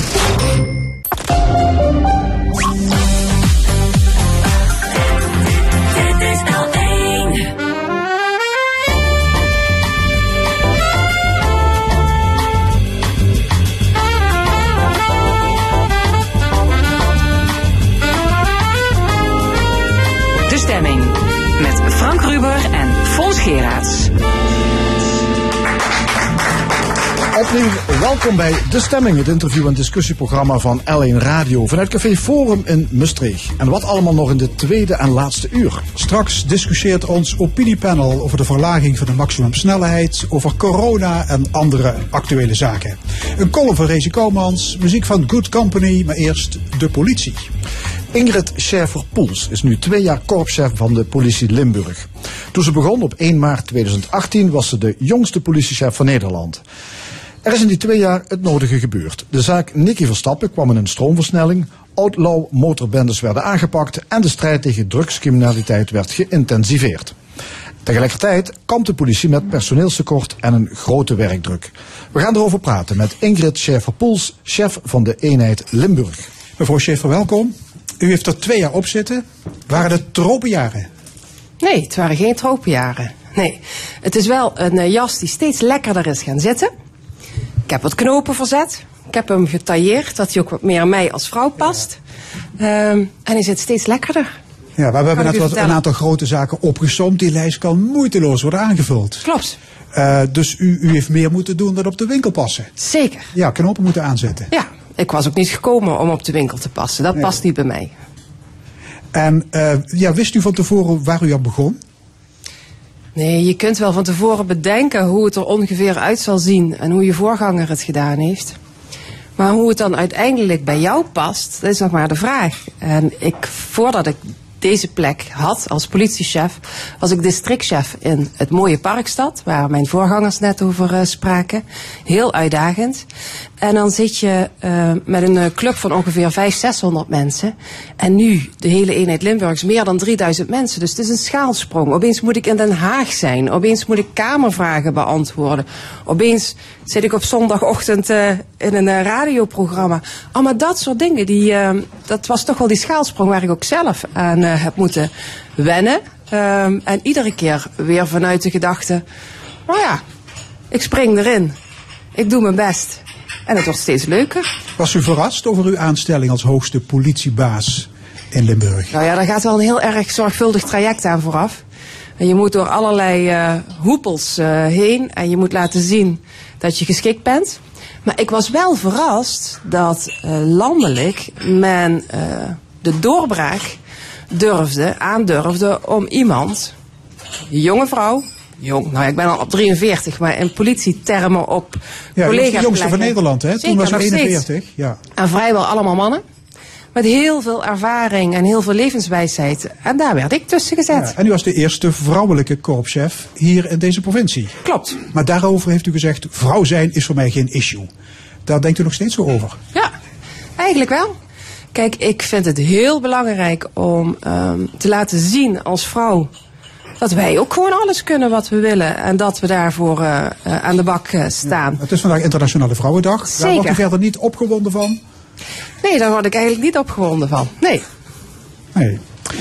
U heeft rechten gestudeerd, maar u heeft volgens mij niet de politieacademie gevolgd, hè? Klopt. Is dat geen gemis? Ehm, nou, in eerste instantie wel, want je komt binnen. ik ben in 2006, nadat ik eerst een, eh, een eh, bestuurlijk politieke carrière had, heb ik de overstap naar de politie gemaakt. En ik heb rechten gestudeerd, dus ik heb strafrecht en bestuursrecht gestudeerd. Ehm, en je komt binnen eh, en je wordt ook binnen gehaald omdat je wat nieuws toevoegt. Maar voordat je het weet, willen ze je toch in datzelfde, in die blauwe wasstraat duwen. Want er wordt gezegd, ja, maar je hebt nog niet zoveel eh, blauwe broeken versleten. En je hebt de politieacademie niet gedaan. En eh, noem maar op. Dat krijgt u wel op uw brood af en toe. Dat krijg je, zeker in die beginjaren, kreeg ik dat echt te horen. En dan was het echt zoeken naar, oeh, maar ik voeg wat toe. Ehm, en ook wel zoeken naar, en wat moet ik nou doen om te laten zien dat ik het ook kan zonder politieacademie. Zo. Dus af en toe is het ook echt wel gewoon investeren om zeker medewerkers het vertrouwen te geven dat je het politiewerk snapt. Dat je een aantal dingen gewoon hetzelfde kan doen. Staat u wel eens met de poten in de modder? Zeker. Zeker. Mee op dat zijn de leukste momenten. Op de schietbaan? Ja, nou ja, wat het is, eh, eh, ook in- op mijn plek draai ik nog eh, eh, heel vaak piket. Dat is een soort bereikbaarheidsdienst. En dan ehm, krijg je alles mee wat in de operatie speelt. En dan word ik gebeld. Dan moet ik toestemming geven voor arrestatieteams. Dan moet ik eh, allerlei moeilijke vragen beantwoorden. Dan moet ik, zeker als collega's in het nauw zijn, ga je ter plekke. Ook s'nachts, noem maar op. En dat zijn wel de momenten eh, dat ik wel heel erg blij word. Omdat ik dan echt voel dat ik nog steeds bij die politie werk. Eh, want af en toe merk ik dat de schaalgrootte van de rol als politiechef... dan sta je af en toe wel wat meer op afstand. En dan is het heel fijn om er even met die poten in de klei te staan. Ja, u heeft ook het eh, uniform aan terwijl u hier aan tafel zit. eh, want u zo meteen nog op patrouille of zo? Of, eh? Nee, nee, ik heb het uniform aan omdat ik hier als politiechef zit. En dat ik ook vind dat daar het uniform bij hoort. Oké. En ehm, ja, ik- we willen eigenlijk een paar zaken, grote zaken eens even langslopen. Ehm, ik denk wat iedereen meegekregen heeft is Horst Pelende Maas. In die eenheid zijn vorig jaar acht politieagenten geschorst. Officieel wegens plichtsverzuim en mogelijk onprofessioneel gedrag. Maar eigenlijk veel meer weten we er nog niet van. Ehm, kunt u ons eindelijk iets meer vertellen? Nee, op inhoud ga ik u teleurstellen. Ga ik nog steeds niks vertellen. Ja. Wat ik u wel wil vertellen is dat integriteit, want daar gaat het om, voor de politie een van de allerbelangrijkste dingen is. Want wij nemen als politie burgers de maat. Dan moeten wij zeker onszelf de maat nemen. Ja, en dus- als er dus signalen zijn dat ons eigen gedrag niet integer zou zijn, dan eh, moet ik daar wat mee. Dat heb ik gedaan. Dat is een stevig onderzoek geworden. Dat loopt. Ja, het duurt lang. Maar zorgvuldigheid gaat in deze echt boven snelheid. Ja. En dat is eigenlijk alles wat ik erover kan en wil zeggen. Ja, want er zouden politieagenten doorgeslagen zijn in hun gedrag. Ze zouden niet geluisterd hebben naar de leiding. Het gaat over omgangsvormen. Het is allemaal, ja, je begint er wel van alles bij te denken. Maar je weet het niet precies. Het publiek heeft er eigenlijk toch wel ja, recht op om te weten wat er aan de hand is, denk ik. Zeker heeft, de, heeft het publiek dat. En dat komt ook op het moment dat dat kan. Ehm, kijk, wat ik in ieder geval gedaan heb, is... Ik heb het niet onder het tapijt geveegd. Ik heb eerlijk met u als media gedeeld dat dit speelt. Ehm, maar ik vraag ook uw begrip eh, dat ik nu niet alle details van het onderzoek deel. Dat doe ik in een strafrechtelijk onderzoek ook niet. Nee, en dat doe ik dit is- ook niet. Ja, maar hier, OM is er ook bij betrokken. Dus het, Zeker. Dus het zit ook de strafrechtelijke kant. Hè. Dit gaat niet alleen dat maar moet om... nog blijken. We zijn met Ja. het onderzoek bezig en mensen zijn onschuldig tot het tegendeel is bewezen. Zeker, ja, ja. Maar ja, goed, niet luisteren naar de leiding. Daar haal je de officier van justi- justitie niet bij, hè? Nee, maar je hebt twee varianten. We zijn met twee eh, stromingen in deze bezig. Eén is het interne integriteitsonderzoek. Dat gaat veel meer over arbeidsrechtelijke zaken. En daarnaast onderzoekt het OM en de Rijksrecherche onderzoek of er ook strafrechtelijke zaken aan de orde zijn. Ja. Hoe erg is dit, hoe ernstig is dit voor het imago van de Limburgse politie? Nou ja, dit is heel ernstig. Eh, wat mensen denken dan, potverdorie, het deugt niet. Eh, er zijn allemaal mensen die eh, het aan hun laars lappen en zo. En dat is killing voor die meer dan 3000 medewerkers die zo goed werk doen. Want dan staat weer zo'n grote krantenkop. En dan komen de collega's, die, die gaan de straat op. En die krijgen er allerlei dingen naar hun hoofd gesmeten... waar ze helemaal niks mee, mee kunnen, waar ze ook niks aan kunnen doen. Maar het publiek Dus- is daar wel meteen alert op en ja, agenten krijgen dat naar hun hoofd Zeker. geslingerd. Dat geven Ja. collega's geven dat ook terug. Ehm, en dan kunnen ze zich moeilijk verweren. En dat is heel vervelend. Maar aan de andere kant, wat nog erger is, is dat als wij een organisatie zouden zijn zonder zelfreinigend vermogen. Dus die burger moet erop kunnen vertrouwen dat wij dit zorgvuldig en goed oppakken. En daar ook transparant in zijn. En daar verantwoording voor afleggen op enig moment. Heeft het eh, ook nog gevolgen voor het selecteren van eh, nieuwe agenten? Ik bedoel, worden jullie strenger? Nee, nee, we zijn al jaren gewoon streng in eh, de selectie. Dus ehm, je moet eh, allerlei testen, eh, psychologische testen en dergelijke moet je doorstaan. Maar ook als je bij ons komt werken, wordt heel je familie wordt, doorgelicht en zo hoor. Dus de vraag is echt, ben je chantabel of niet? Ehm, dat zijn allemaal zaken waar je die vinkjes achter moet krijgen voordat je überhaupt bij ons in dienst komt. En dan nog kan het misgaan, want criminelen, wij hebben zo'n grote toegang tot allerlei vormen van informatie die voor criminelen heel erg interessant is. En dan moet je stevig in je schoenen staan om daar eh, eh, eh, bij weg te blijven. Mevrouw Schäfer, ander punt. Eh, een tijdje geleden heeft het AD een enquête gehouden onder burgemeesters en korpschefs. Wat blijkt, de politie heeft te weinig personeel om haar werk goed te doen. Is er ook in deze provincie sprake van onderbezetting? Zeker. En hoe groot is dat tekort? Nou ja, weet je, eh, eh, volgens mij als u deze vraag eh 30 jaar geleden had gesteld, ehm, had mijn toenmalige voorganger hetzelfde antwoord gegeven. Er is altijd meer vraag naar politiemensen. Er is altijd meer vraag dan aan wij aan kunnen voldoen. Dus al sinds jaar en dag moeten wij kiezen in het werk. Maar, maar heeft u nu meer moeite om de roosters rond te krijgen dan 30 jaar geleden? Ja. Ja, en dat heeft ermee te maken dat ehm, in dit geval Limburg eh, eh, de oudste eenheid qua gemiddelde leeftijd is. Wij hebben op dit moment 33% van de medewerkers dus 55 of ouder. En die gaan dadelijk allemaal met pensioen, En die stromen allemaal met uit. pensioen en die hebben nu recht op bijvoorbeeld nachtdienstontheffing. Die hebben recht om wat minder uren te werken. En dat recht hebben ze Al die verdiend, oude lullenvoordelen. Ja, maar dat recht hebben ze verdiend. Want er zitten echt mensen bij die al 40 jaar eh eh 24-7 beschikbaar zijn. Dus dat recht hebben ze. Het maakt wel dat als je dan kijkt naar het aantal mensen dat we hebben. En de uren die we die kunnen inzetten. Dat dat minder is dan dat het op papier lijkt. Nou, en koppel dat aan dat buiten de maatschappij verandert, dat er steeds meer van ons verwacht wordt. Wie had gedacht dat een advocaat vermoord zou worden en dat we nu allerlei advocaten en officier van justitie moesten beveiligen? Noem maar op. Uit die enquête blijkt ook ergernis over het feit dat agenten uit de regio worden ingezet voor landelijke klussen. Mhm. Eh, en de druppel was inderdaad de moord op die, op die advocaat. De burgemeester van Tilburg die zegt, blauw van de straat halen mag geen structurele oplossing zijn. We kunnen onze mensen niet missen. Mee eens? Eens. Eens. Aan de andere kant, eh, we zijn nationale politie. Sinds 2012 zijn we nationale politie. Ehm, en dat betekent ook dat wij elkaar helpen waar het nodig is. Ehm, en heel concreet, Limburg heeft het komende jaar drie prachtige, enorme evenementen. We beginnen dadelijk met de Passion in Remond. Dan hebben we Koningsdag in Maastricht. We hebben nog Memorial Day, 75 jaar bevrijding. Dat gaat ook echt een groot feest worden. Dan Dat mag u blij zijn dat het Eurovisie Songfestival niet naar Maastricht komt. nou ja, nou ja, dan hadden we misschien Koningsdag niet gehad. Ik weet het niet. Maar ehm, dat zijn zaken die bovenop het reguliere politiewerk enorm veel werk vragen. Dan duw ik ook op die hulpknop en krijg ik dus de hulp van andere eenheden uit het land. En zo help je elkaar. En ja, ik vind ook dat wij als Limburg een verantwoordelijkheid hebben bij de bescherming van advocaten en officieren van justitie elders in het land. Ja, maar te weinig mankracht. Betekent dat automatisch meer werkdruk voor de, voor de dienstkloppers? Ja, als je niet oplet wel. Want we hebben hele erg loyale, hardwerkende mensen die tot het gaatje gaan. En als wij niet eh, zorgvuldig keuzes maken, dan krijgen die wel heel erg veel op hun bordje. Ja. Ehm, en dat zien we ook. Ja, de Ehm, politie, eh, de, de, hoe heet het? Het ziekteverzuim is relatief hoog, hè? Ja, het hoogste van heel gezien van Nederland zelfs. 7 tot 9 procent. Dat is heel fors. 8 procent, 8,1 procent op dit moment. Dat is heel veel.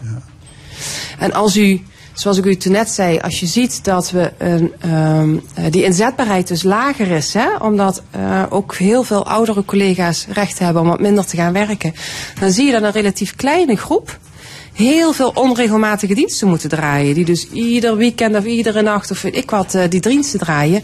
En dan zie je dat mensen echt tot het gaatje gaan. Maar als ze omvallen, zijn ze echt even goed ziek.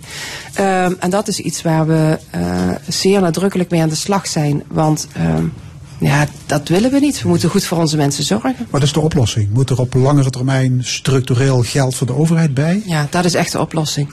Ik geloof in een structurele financiering van veiligheid.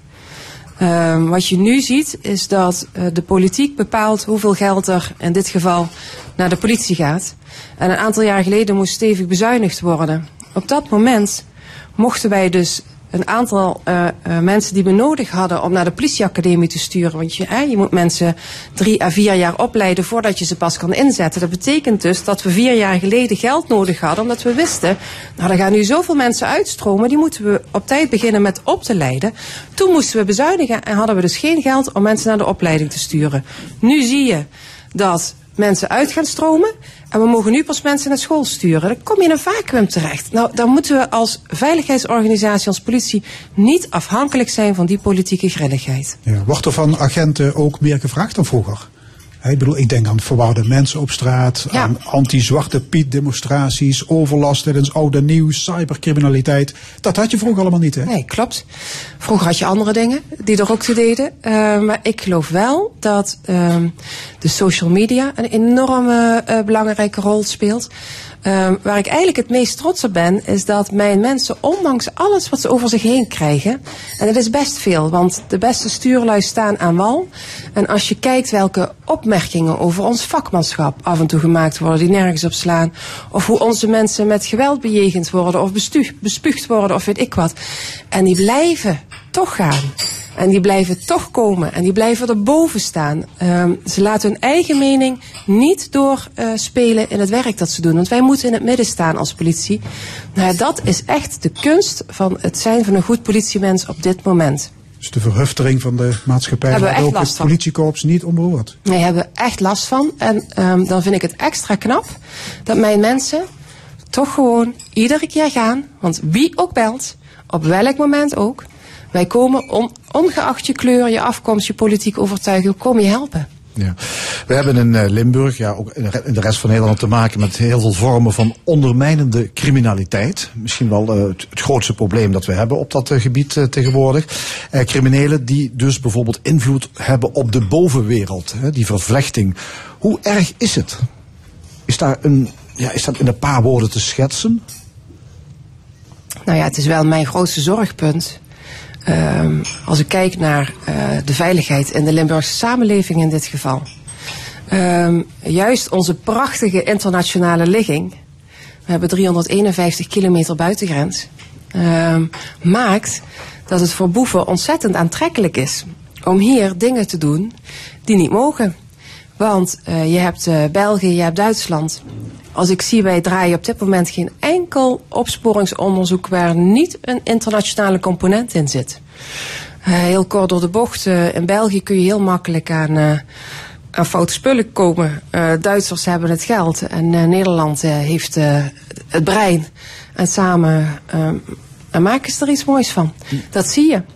Maar ook het gemak waarmee over drugs en met name softdrugs eh, gedacht wordt. Waarin eh, misschien wel de jonge moeders waar we net over spraken worden verleid om hun eh, zolder ter beschikking te stellen. Want als je daar een paar eh, keer hennep kan oogsten, dan kun je je schulden afbetalen of kun je wel die grote televisie betalen of weet ik wat.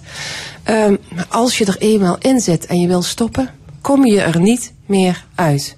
En dan zie je dat echt een vermenging bovenwereld, onderwereld aan de orde is. Ja. Moeten Dat- wij ons daar serieus zorgen voor maken? Dat er bestuurders zijn, bijvoorbeeld die te nauwe banden hebben met criminelen? Nee, ik geloof dat onze bestuurders in Limburg, voor zover ik dat kan inschatten, daar heel erg gelegd op zijn. We hebben het er ook heel veel over met, eh, met z'n allen. Ehm, maar wat ik wel zie, is dat, ehm, ik zeg maar iets, die eh, gulle sponsor van de voetbalclub. Ehm, eh, waar eh, alle jonge kinderen eh, met een sponsor op het shirtje lopen of ik wat. Die uiteindelijk toch blijkt dat geld met niet zo koosjere dingen ehm, eh, verdiend te hebben. Maar die wel de man of de vrouw op de voetbalclub is. Hè? En waardoor je ziet dat, dat, dat het gevoel van dit kan en dit niet kan. ehm, dat, daar zie ik echt een vermenging. Daar Ja, en, echt een ki- vermenging. en kijken we misschien als burgers ook nog te veel weg, inderdaad, van die sponsor. Dat we denken, we zien het door de vingers. Of de buurman die toch met een hennepplantage op zolder zit. We weten het wel, maar we denken, laat maar gebeuren. Laat maar gebeuren. Of op verjaardagen eh, de stoere verhalen van, nou ja, weet je, dan kun je even snel geld verdienen en de politie pakt je toch niet. Weet je wel, zoiets, hè? Ja, misschien pakken we je wel niet, maar je zit wel in een ontzettend akelig netwerk waar je niet meer zo snel uitkomt. Ja. Zijn er vrijplaatsen in Limburg waar u als politie geen toegang meer toe hebt? Die zijn er niet. En daar ben ik apen trots op om dat hier te kunnen zeggen. Ja. Ik denk dat dat echt de kracht is van onze mensen. Die komen op allerlei plaatsen, die durven die zorgen, wij zorgen aan de voorkant dat we in contact komen met mensen. Als ik, een van de dingen waar ik echt eh, trots op ben, is als je ziet eh, de afgelopen periode. Ehm, eh, de boerendemonstraties bijvoorbeeld. Hè? Nou, die hebben best wel impact eh, in heel Nederland. En dan zie je dat de Limburgse politie eigenlijk heel veel goede contacten had met de Limburgse boeren. Daar hebben we ook aan de voorkant in geïnvesteerd. Waardoor wij ook ehm, konden voorkomen, samen met die boeren, dat het hier uit de klauwen liep, dat, er, eh, eh, dat het provinciehuis hier bestormd werd, zoals in eh, Groningen gebeurde, of weet ik wat. Ja, ze deden hier de deuren open en die werden met fly ontvangen, geloof ik. Hè? Zeker, daar heeft Ja. de gedeputeerde ook een goede rol in gespeeld, volgens mij. Maar ehm, waar het om gaat, is dat waar ik in, in andere eenheden in Nederland toch zag dat men moeite had om informatie uit die boerengemeenschap te halen, zag ik dat onze wijkagenten gewoon geïnvesteerd hadden en die wisten het en die konden redelijk snel in contact komen. En als ons dat lukt op allerlei plekken, ehm, ja, daar gaat het om. Dan zijn we de voorkant goed bezig. Ja, maar ondermijnende criminaliteit, die kun je denk ik ook als politie alleen niet oplossen. Hè? Daar heb je andere instanties bij nodig. Daar heb je een gemeente, daar heb je justitie, de belastingdienst. Nou ja, denk ik een hele rits van organisaties heb je nodig. Hoe, hoe, hoe gaat dat? Werkt dat samen? Komen jullie bij elkaar regelmatig om hier over te praten? Ja, ja. Ehm, en daar zijn we als Limburg eh, best wel goed mee bezig. We hebben ook het, eh, het RIek. Dat is een, eh, een, een club waarin we samenwerken met Belastingdienst, met gemeenten, als politie, als OM, noem maar op. En waar we ook echt kijken van dit is er aan de hand. En wie heeft nou de beste kaarten in handen om in dit geval deze zaak aan te pakken? Want in sommige gevallen helpt het veel meer om de Belastingdienst ergens op te zetten. Om iemand echt in de portemonnee te pakken. Dan dat je iemand eh, een paar maanden vastzet op basis van strafrecht. Nou, en dat doen we steeds meer. Als je kijkt, we hebben een. Du- Dus eerder kijken of je, of je iemand kan plukken, crimineel, dan hem misschien strafrechtelijk aanpakken. Ja, in sommige gevallen doe je het en-en. Maar weet je dat door op het juiste moment het strafrecht in te zetten. Weet je dat je de Belastingdienst eh, eh, de ruimte geeft om echt door te pakken op de financiën bijvoorbeeld. Of een gemeente om bepaalde vergunningen of uitkeringen in te trekken. Want. ehm, eh, eh, dat krijgt de gemeente, krijgt die informatie dan van ons. Want het zou heel eh, raar zijn, ook vanuit de één overheidsgedachte, dat wij aan de ene kant als politie bezig zijn en aan de andere kant de gemeente nog steeds de uitkeringen en weet ik wat door blijft zetten. Maar ja, er is wel een tekort aan mensen bij de politie. Ehm, ik kan me wel voorstellen, als je hierop inzet, wat natuurlijk heel belangrijk is, dat begrijp ik ook. Ja, fietsendiefstal, dat heeft natuurlijk geen prioriteit.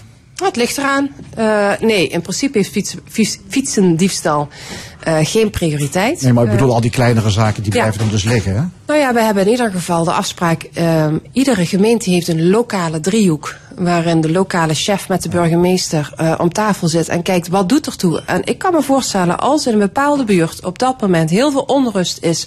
omdat er heel veel fietsen gestolen worden. Dan Inbraken, kunnen, wij, ja, dan kunnen wij op dat moment de keuze maken om dat daar te doen. Maar als u mij vraagt naar de prioriteiten voor de hele eenheid. dan zit fietsendiefstallen daar niet bij. Nee. Oké, we zijn rond. Of wilt u er ergens op terugkomen? Of heeft u nog een coeur? Een critiqueur. Ja, nog eentje. Ehm, ik eh, was gisteren onaangenaam verrast eh, toen ik zag dat er eh, de kop was. Eh, een nieuwe eh, carrière voor politiechef. eh, ze gaat naar heel Holland Bakt. ik had een heel mooi interview afgegeven. Waar, waar, stond, waar stond dat in? nou ja, ik, het, was, het, het stond volgens mij in, in een kop van, eh, uw, van uw dienst. Eh, ik had een heel mooi interview gegeven aan eh, FAM. Dat is een vrouwennetwerk in het kader van Internationale Vrouwendag. En dit is het enige wat eruit gehaald was. Aan de andere kant, ik weet niet of u zelf wel Breaking Bad of zo gekeken heeft. Maar ehm, om goede synthetische drugs eh, te maken, moet je goed kunnen koken. Dus in dat geval eh verschil ik eigenlijk niet Ja. zo heel erg veel van mijn doelgroep. Maar je, je moet je tegenstander ook goed kennen om hem te kunnen verslaan. Ja, hè? precies. Nou, bij deze rechtgezet, toch? Gelukkig. Oké, Ingrid Schaefer-Poels, politiechef van de eenheid Limburg. Hartelijk dank. Dank u. En wij gaan weer luisteren naar Good Company. Een nummer van Simon and Garfunkel, The Boxer.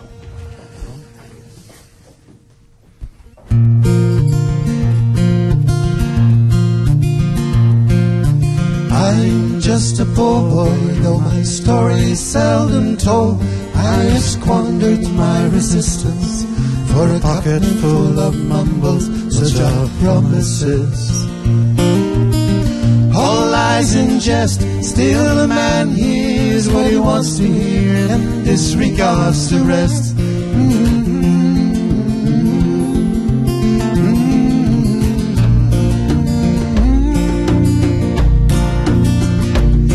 When I left my home and my family, I was no more than a boy in the company of strangers, in the quiet of the railway station, running scared. Laying low, seeking out the poorer quarters where the ragged people go, looking for the places only they would know.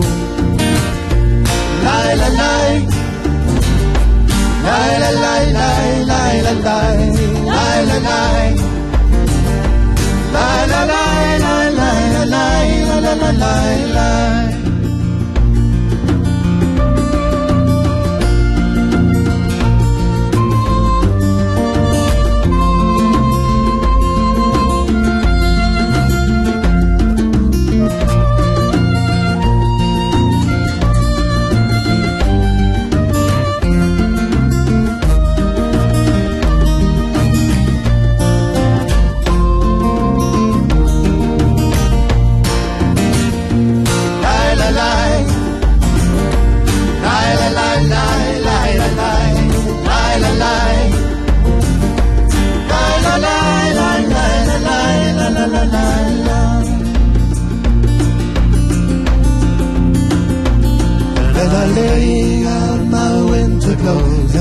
wishing I was gone, going home. Where the New York City winters aren't bleeding me, bleeding me, going home.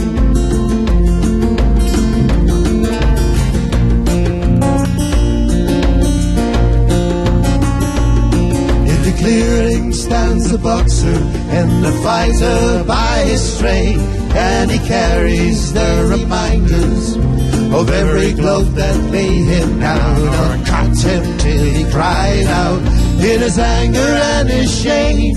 I am leaving, I am leaving, but the fighter still remains.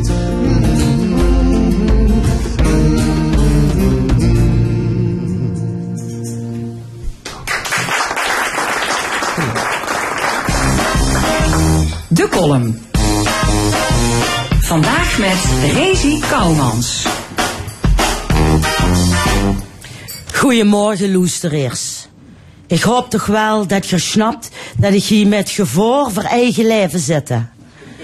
Ik ben helemaal van Oetremung, dwars door Sittard, waar toevallig de optocht is afgelast, gereden om hier in Maastricht op besmet gebied mijn werk te doen. Ja, ik voel me net een oorlogsverslaafgever. Want eh, ja, ik heb ook breaking news. Vanmorgen om tien over negen bereikte mij het bericht dat ook in Remung de eerste besmetting een feit is. Er werden afgerooien grote mensenmassa's op te zoeken. Nou, en als ik hier rondkijk, valt het die gelukkig met. Ik heb ook nog geen bericht ontvangen dat ze via radiogolven besmet kunt raken. Dus je zit veilig toes. En zo heb ik als topvrouw op deze internationale vrouwendag een gecalculeerd risico genomen om toch te komen. Loester, ik ben geen complotdenker, hè. Want anders, anders hij ik kunnen denken dat dit allemaal een vooropgezet plan wordt.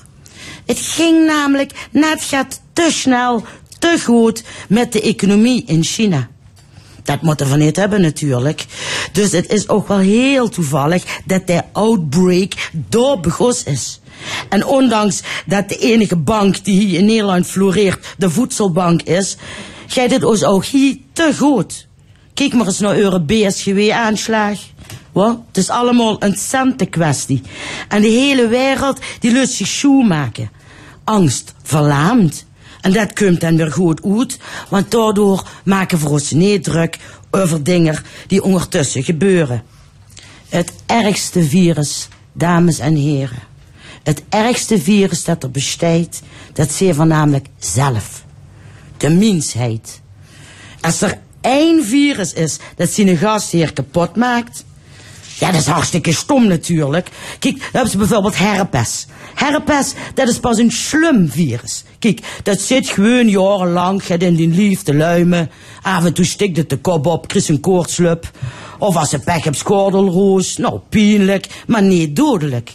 En daarna gaat dat gewoon wel lekker gaat pitten. Een slumvirus weet namelijk dat ze niks hups aan een dode gastheer. Veer echter zijn structureel bezig onze gasheer te verannuleren en luisteren niet naar de signalen zoals bosbrein, overstruimingen, eh, smultende poolkappen. En daar zeggen ze, die niet horen wilt, die moet maar veulen. Ik kan Rutte duizend keer sorry zeggen tegen, tegen, eh, eh, eh, weet het toch, Zeeland. Dan kan Trump duizend keer zeggen dat er de beste is. Kan de Venezolaanse prins duizend keer zeggen dat dat voor meer kinderen moeten baren. Dan kan Israël duizend keer zijn grenzen sluiten. Kan Turkije duizend keer zijn grenzen openzetten. Kunnen ze in Iran duizenden gevangenis loslaten. En dan kan ze duizend keer geloven in God en Allah of de sprookjes van duizend en één nacht. Want ondertussen, dat Veros de cup ineenhouden over een rol wc-papier, zet de natuur zijn eigen antivirus in. Corona. Vuur moet ze met vuur bestrijden. En Nemes is meer resistent. Behalve ik natuurlijk. Hè. Dus, ja, nee, alcohol schijnt een probaat middel te zijn. Ik bedoel, niet om het te weerstaan misschien, maar wel om het allemaal te kunnen vergeten. Dus bij deze nodig allemaal uit om bij mij in vrijwillige quarantaine te komen. Kunnen lekker ongestraft tegen een in het gezicht tuffen.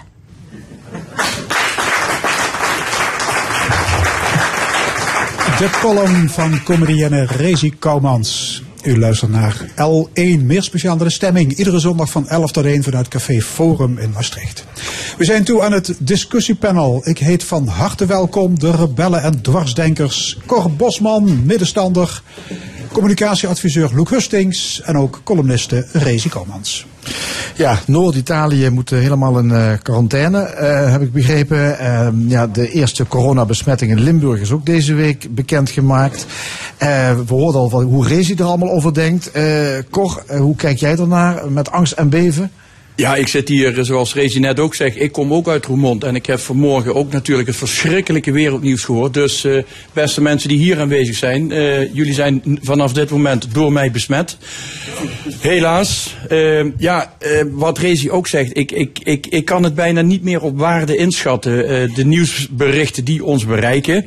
Ik weet wel dat we nu naast de geopolitiek, dat we nu ook een biopolitiek hebben. En wat mij heel erg verbaast over dit, dit coronavirus, en, en, en, en het is niet het enige pandemie wat we hebben gehad, is dat de hele wereld maatregelen neemt. Behalve Maastricht, want de TFAF die gaat gewoon door. Maar ik heb wel begrepen, als je bij aankoop van een duur schilderij boven de miljoen, krijg je gratis het eh, coronavirus mee naar huis toe. Ja. nou, eh, wat TFAF... Loek, hoe kijk jij dat tegenaan? Ja, wat TFAF betreft, weet ik toevallig uit Inside Information dat het aan een zijdraadje gehangen heeft. Of dat wel zou doorgaan of niet.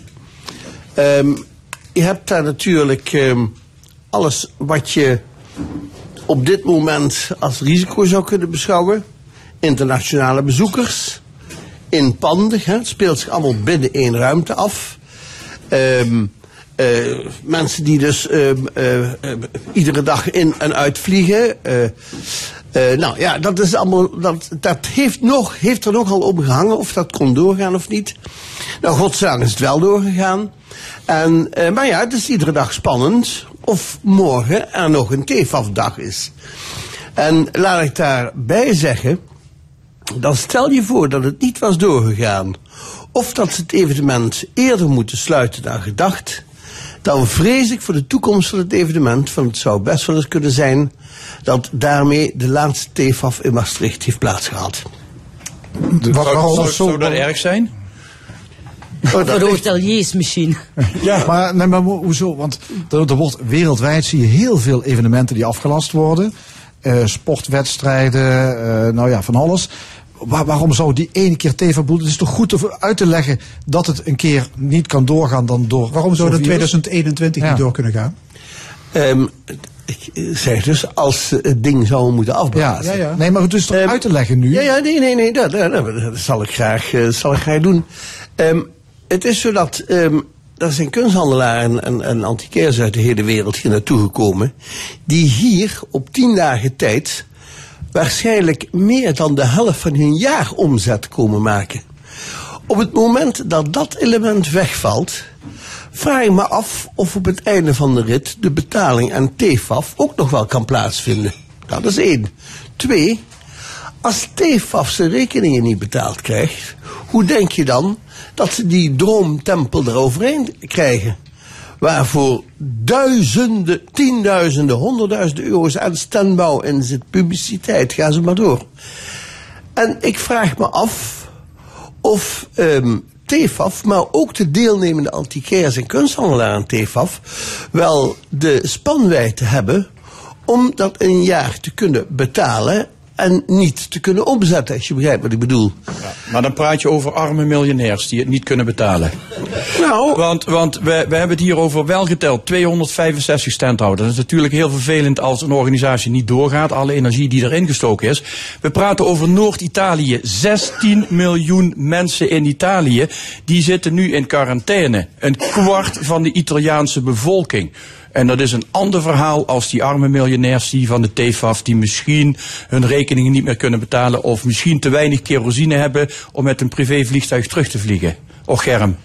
Ja, ik kan de rekening van een ander niet opmaken, Cor. Eh, maar, eh, en natuurlijk, eh, als, als een half land met 16 miljoen mensen plat ligt, dan geeft dat wel aan wat de prioriteit van dit probleem is.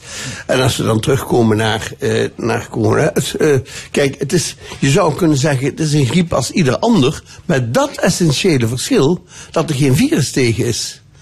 En met het tweede essentiële verschil is dat we niet weten hoe ermee te moeten omgaan. Er is geen ervaring, er zijn geen statistieken, statistieken, er is niks. Dus dat stelt ons wel voor een groot probleem. Ja, Rezi, maar ja, ik hoorde jou in de column daar eigenlijk nogal eh, een beetje badanerend over doen, hè? Nou, heb je wel goed geluisterd. Ja, zeker. Oh, Ja. ik zei al, dat is gewoon de straf van de natuur, Ja. hè, voor de mensheid, het virus. Ja. Ja, god, wat, wat, wat zou je er tegen kunnen doen? Ik weet het ook niet. Ik ga ervan uit dat ik een redelijk gezond persoon ben, dus ik zal het wel overleven. En zo niet, niet. Ja, sommige dingen kun je niks aan doen, komt gewoon over je heen. Ja. Ja, je ziet het als een bijbelse plaag eigenlijk. Nou ja, we hebben er al veel gehad, hè. Ik ben Ja. eigenlijk helemaal niet Ja. zo Ja, katholiek. ik bedoel, ik bedoel ook maar- berustend, eh, niet badinerend. sorry. Nee, Ja, dat- berustend, ja, ja. ja, dat Ja, bedoel ja, ik. Ja, ja. tuurlijk. Ja. In Sittard gaat vandaag eh, de grote optocht en de kinderoptocht die was verplaatst. die gaat niet door. Het optochtcomité zegt ja, we krijgen niet voldoende deelnemers. Mensen haken af, mede door dat coronavirus. En dan is het nou ja, niet de moeite waard. Het is niet waardig om die optocht te organiseren. Is er sprake van paniek, onnodige paniek dan bij mensen als ze bijvoorbeeld dan zeggen van, wij komen niet naar die optocht? Ik denk of is dat slim dat mensen dat doen? goed uitkomt. Hè? Kijk, zo'n zo'n zo'n vliegtuigmaatschappij, eh, Flybe of hoe heet die, staan al op het punt om failliet te gaan. Oh, dan komt corona, en dan gaan ze failliet, dus corona dat schuld. Dat optochtcomité denkt gewoon, Ja, wordt toch niks, laten we maar wie heeft nog een week na carnaval zin om weer zijn pakje aan te trekken en te doen? Weet je, als carnaval voorbij is, is het voorbij, ben je klaar. Heb je geen zin om nog een keer die hele optocht weer te gaan doen, want je zit helemaal niet in de stemming. Nee, maar het geeft- en dan is het handig dat Ja, er nu zo'n virus is, waarbij je dan kunt zeggen van ja, nee, het gaat niet door vanwege het virus. Het is niet zo dat grote groepen mensen echt bang zijn en niet komen. Ze zullen misschien ook wel bang zijn, maar ik denk niet dat dat het enige is. Ja. Nou ja, daarbij heb je een verschil tussen paniek en bezorgdheid. Hè? Ehm, ik kan me voorstellen dat mensen zich zorgen maken. Je weet natuurlijk ook niet wat boven hun hoofd hangt. Maar eh, wat, om nog even terug te komen op dat carnavalsgevoel. Ik begrijp dat helemaal wat je daar zegt. Hè? Dat ehm, eh, als carnaval voorbij is, is het voorbij. Dan heb je niet meer de zin en de stemming om opnieuw die boel op te tuigen. Dat in tegenstelling tot het merkwaardige België, waar we op een steenworp van afzitten. Waar tot en met eerste paasdag carnavals op Ja, maar daar is dat traditie, Ja, ja, ja, ja. Daar Maar weet je dat je half vaste stoet hebt en dan lekker in Marseille, weet ik veel. Dat, dat weet je, daar leef je naartoe. Maar je leeft niet toe naar een week na de carnaval om dan nog een keer een optocht te doen. Daar leef je niet Ja, naartoe. misschien kunnen ze de optocht verplaatsen naar het MEC. Daar gaat toch gewoon alles door. Ja. Dus, hè? Goed idee. Goed, ander onderwerp. Maandag over een week gaat de maximumsnelheid op de autosnelweg omlaag naar 100 km per uur. Eh, dat wordt kenbaar gemaakt met vier borden onder elkaar. Hè. Twee met 100 en 120 en twee bordjes met de tijden. Is dat, Cor Bosman, rijdend achter het stuur allemaal te behappen? Nou, ik heb al opgeschreven hier voor mij. Ik denk dat het eh, voor gevaarlijke situaties gaat opleveren. Eh, er wordt zoveel informatie verspreid met de borden. Eh, ik las een onderzoekje wat door een vandaag in het AD gehouden is. Dat de dagelijkse weggebruikers, 6 op de 10, die zegt al nu al, ik ga mij niet aan die snelheid houden. Waarbij de niet-dagelijkse weggebruikers het precies andersom is. Dus ik denk dat de maatregelen die ze nu hebben ingesteld, dat die ehm, het enige effect wat, wat het gaat resulteren is dat de schatkist dat die behoorlijk gespekt gaat worden. Want de boetes die zijn niet mals. En de maatregelen waarom het eigenlijk gedaan is, is voor mij weer een typisch voorbeeld van een falende overheid. Een overheid die ons land niet meer in staat is om eh, adequaat eh, te besturen. Want wat, wat, wat wordt er nu gedaan? We hebben een stikstofcrisis. De bouw die ligt helemaal op zijn gat. En nu, dat gaan we nu compenseren door de automobilisten van 120, 130 naar 100 te laten rijden. Van s'morgens eh 6 uur tot s avonds 7 uur geloof ik. Terwijl dat ze over de grens mogen jakkeren zo hard dat ze willen. En het ene gat wordt met het andere gat gedicht. Dit is geen beleid. Falende overheid, Luc Hustings. Ja, nee eens? Of eh, niet? nee, ik, eh, eh, ik zie dat wel anders. Ik kan me voorstellen dat ehm, in een tijd eh, waarin we ineens geconfronteerd worden met problemen waar we twee jaar geleden nog niks van wisten, het hele stikstofprobleem, dat je dan maatregelen moet gaan nemen. En ik kan me voorstellen dat ieder land maatregelen neemt die ehm, hun het beste passen of, of waarvan maar- ze- waar zij de meeste geloof in Neem dan hebben. wel maatregelen waar je iets mee opschiet, natuurlijk. Nou, weet je, ik weet uit eigen ervaring, ik heb het laatst gemerkt. ehm, als je ehm, van hier naar Amsterdam rijdt. En je doet dat met 120, 130 km per uur, wat je s'nachts vaak mag rijden. Hè? Of je rijdt overdag en je wacht op heel veel stukken van dat traject waar 100 rijden. Moet eens kijken hoeveel je dat scheelt in het gebruik van benzine. Op het moment dat dat veel minder benzine gebruikt, stoot dat dus allicht ook veel minder spul uit. Ik wil niet zeggen dat dat de enige en algemene oplossing is. Maar dat het- ondertussen hebben ze ons wel die E10 benzine in de maag gesplitst, die, waar je veel meer weer doorgebruikt. Want die is helemaal niet zuiniger, dus dat werkt ook voor geen, voor geen meter. Denk ik hoor. En ik hoor, ik hoor Luc net zeggen van problemen waar we een aantal jaren geleden nog niet over hadden gehoord of niet van hadden gehoord. Dat klopt. We hebben te maken met een, met, met, met een groene jihadisme in Nederland. Mensen die vanuit hun overtuiging ons iets, iets, iets gaan opdringen waarvan we nog met z'n allen er nog niet over eens zijn en waarschijnlijk ook niet zullen worden. Dat het, hoe erg dat het wel of niet is, dat we iets moeten doen. Dat hoor je mij niet zeggen. Maar er wordt ons nu bijna uit een, een, een, een- soort overdreven religieuze overtuiging wordt ons opgedrongen dat het milieu op dit moment het allerbelangrijkste is. En nogmaals, ik zeg niet dat we niks moeten doen, maar wat we nu aan het doen zijn is ridicuul. Het is, het is, het is belachelijk en het wordt ook nog eens een keertje aangevoerd door onze opper smurf Frans Timmermans met zijn rechterhand Diederik Samson. Wat ze in Nederland destijds in een eigen PvdA-clubje niet voor elkaar ge- gekregen hebben ons dingen door de strot te duwen. Dat lukte nu wel op het allerhoogste Europese niveau, omdat Frans Timmermans daar toevallig de Green Deal heeft afgesloten. We weten wel waar het begint. Er wordt al bedragen genoemd van, hon- of eh, van 1000 miljard euro.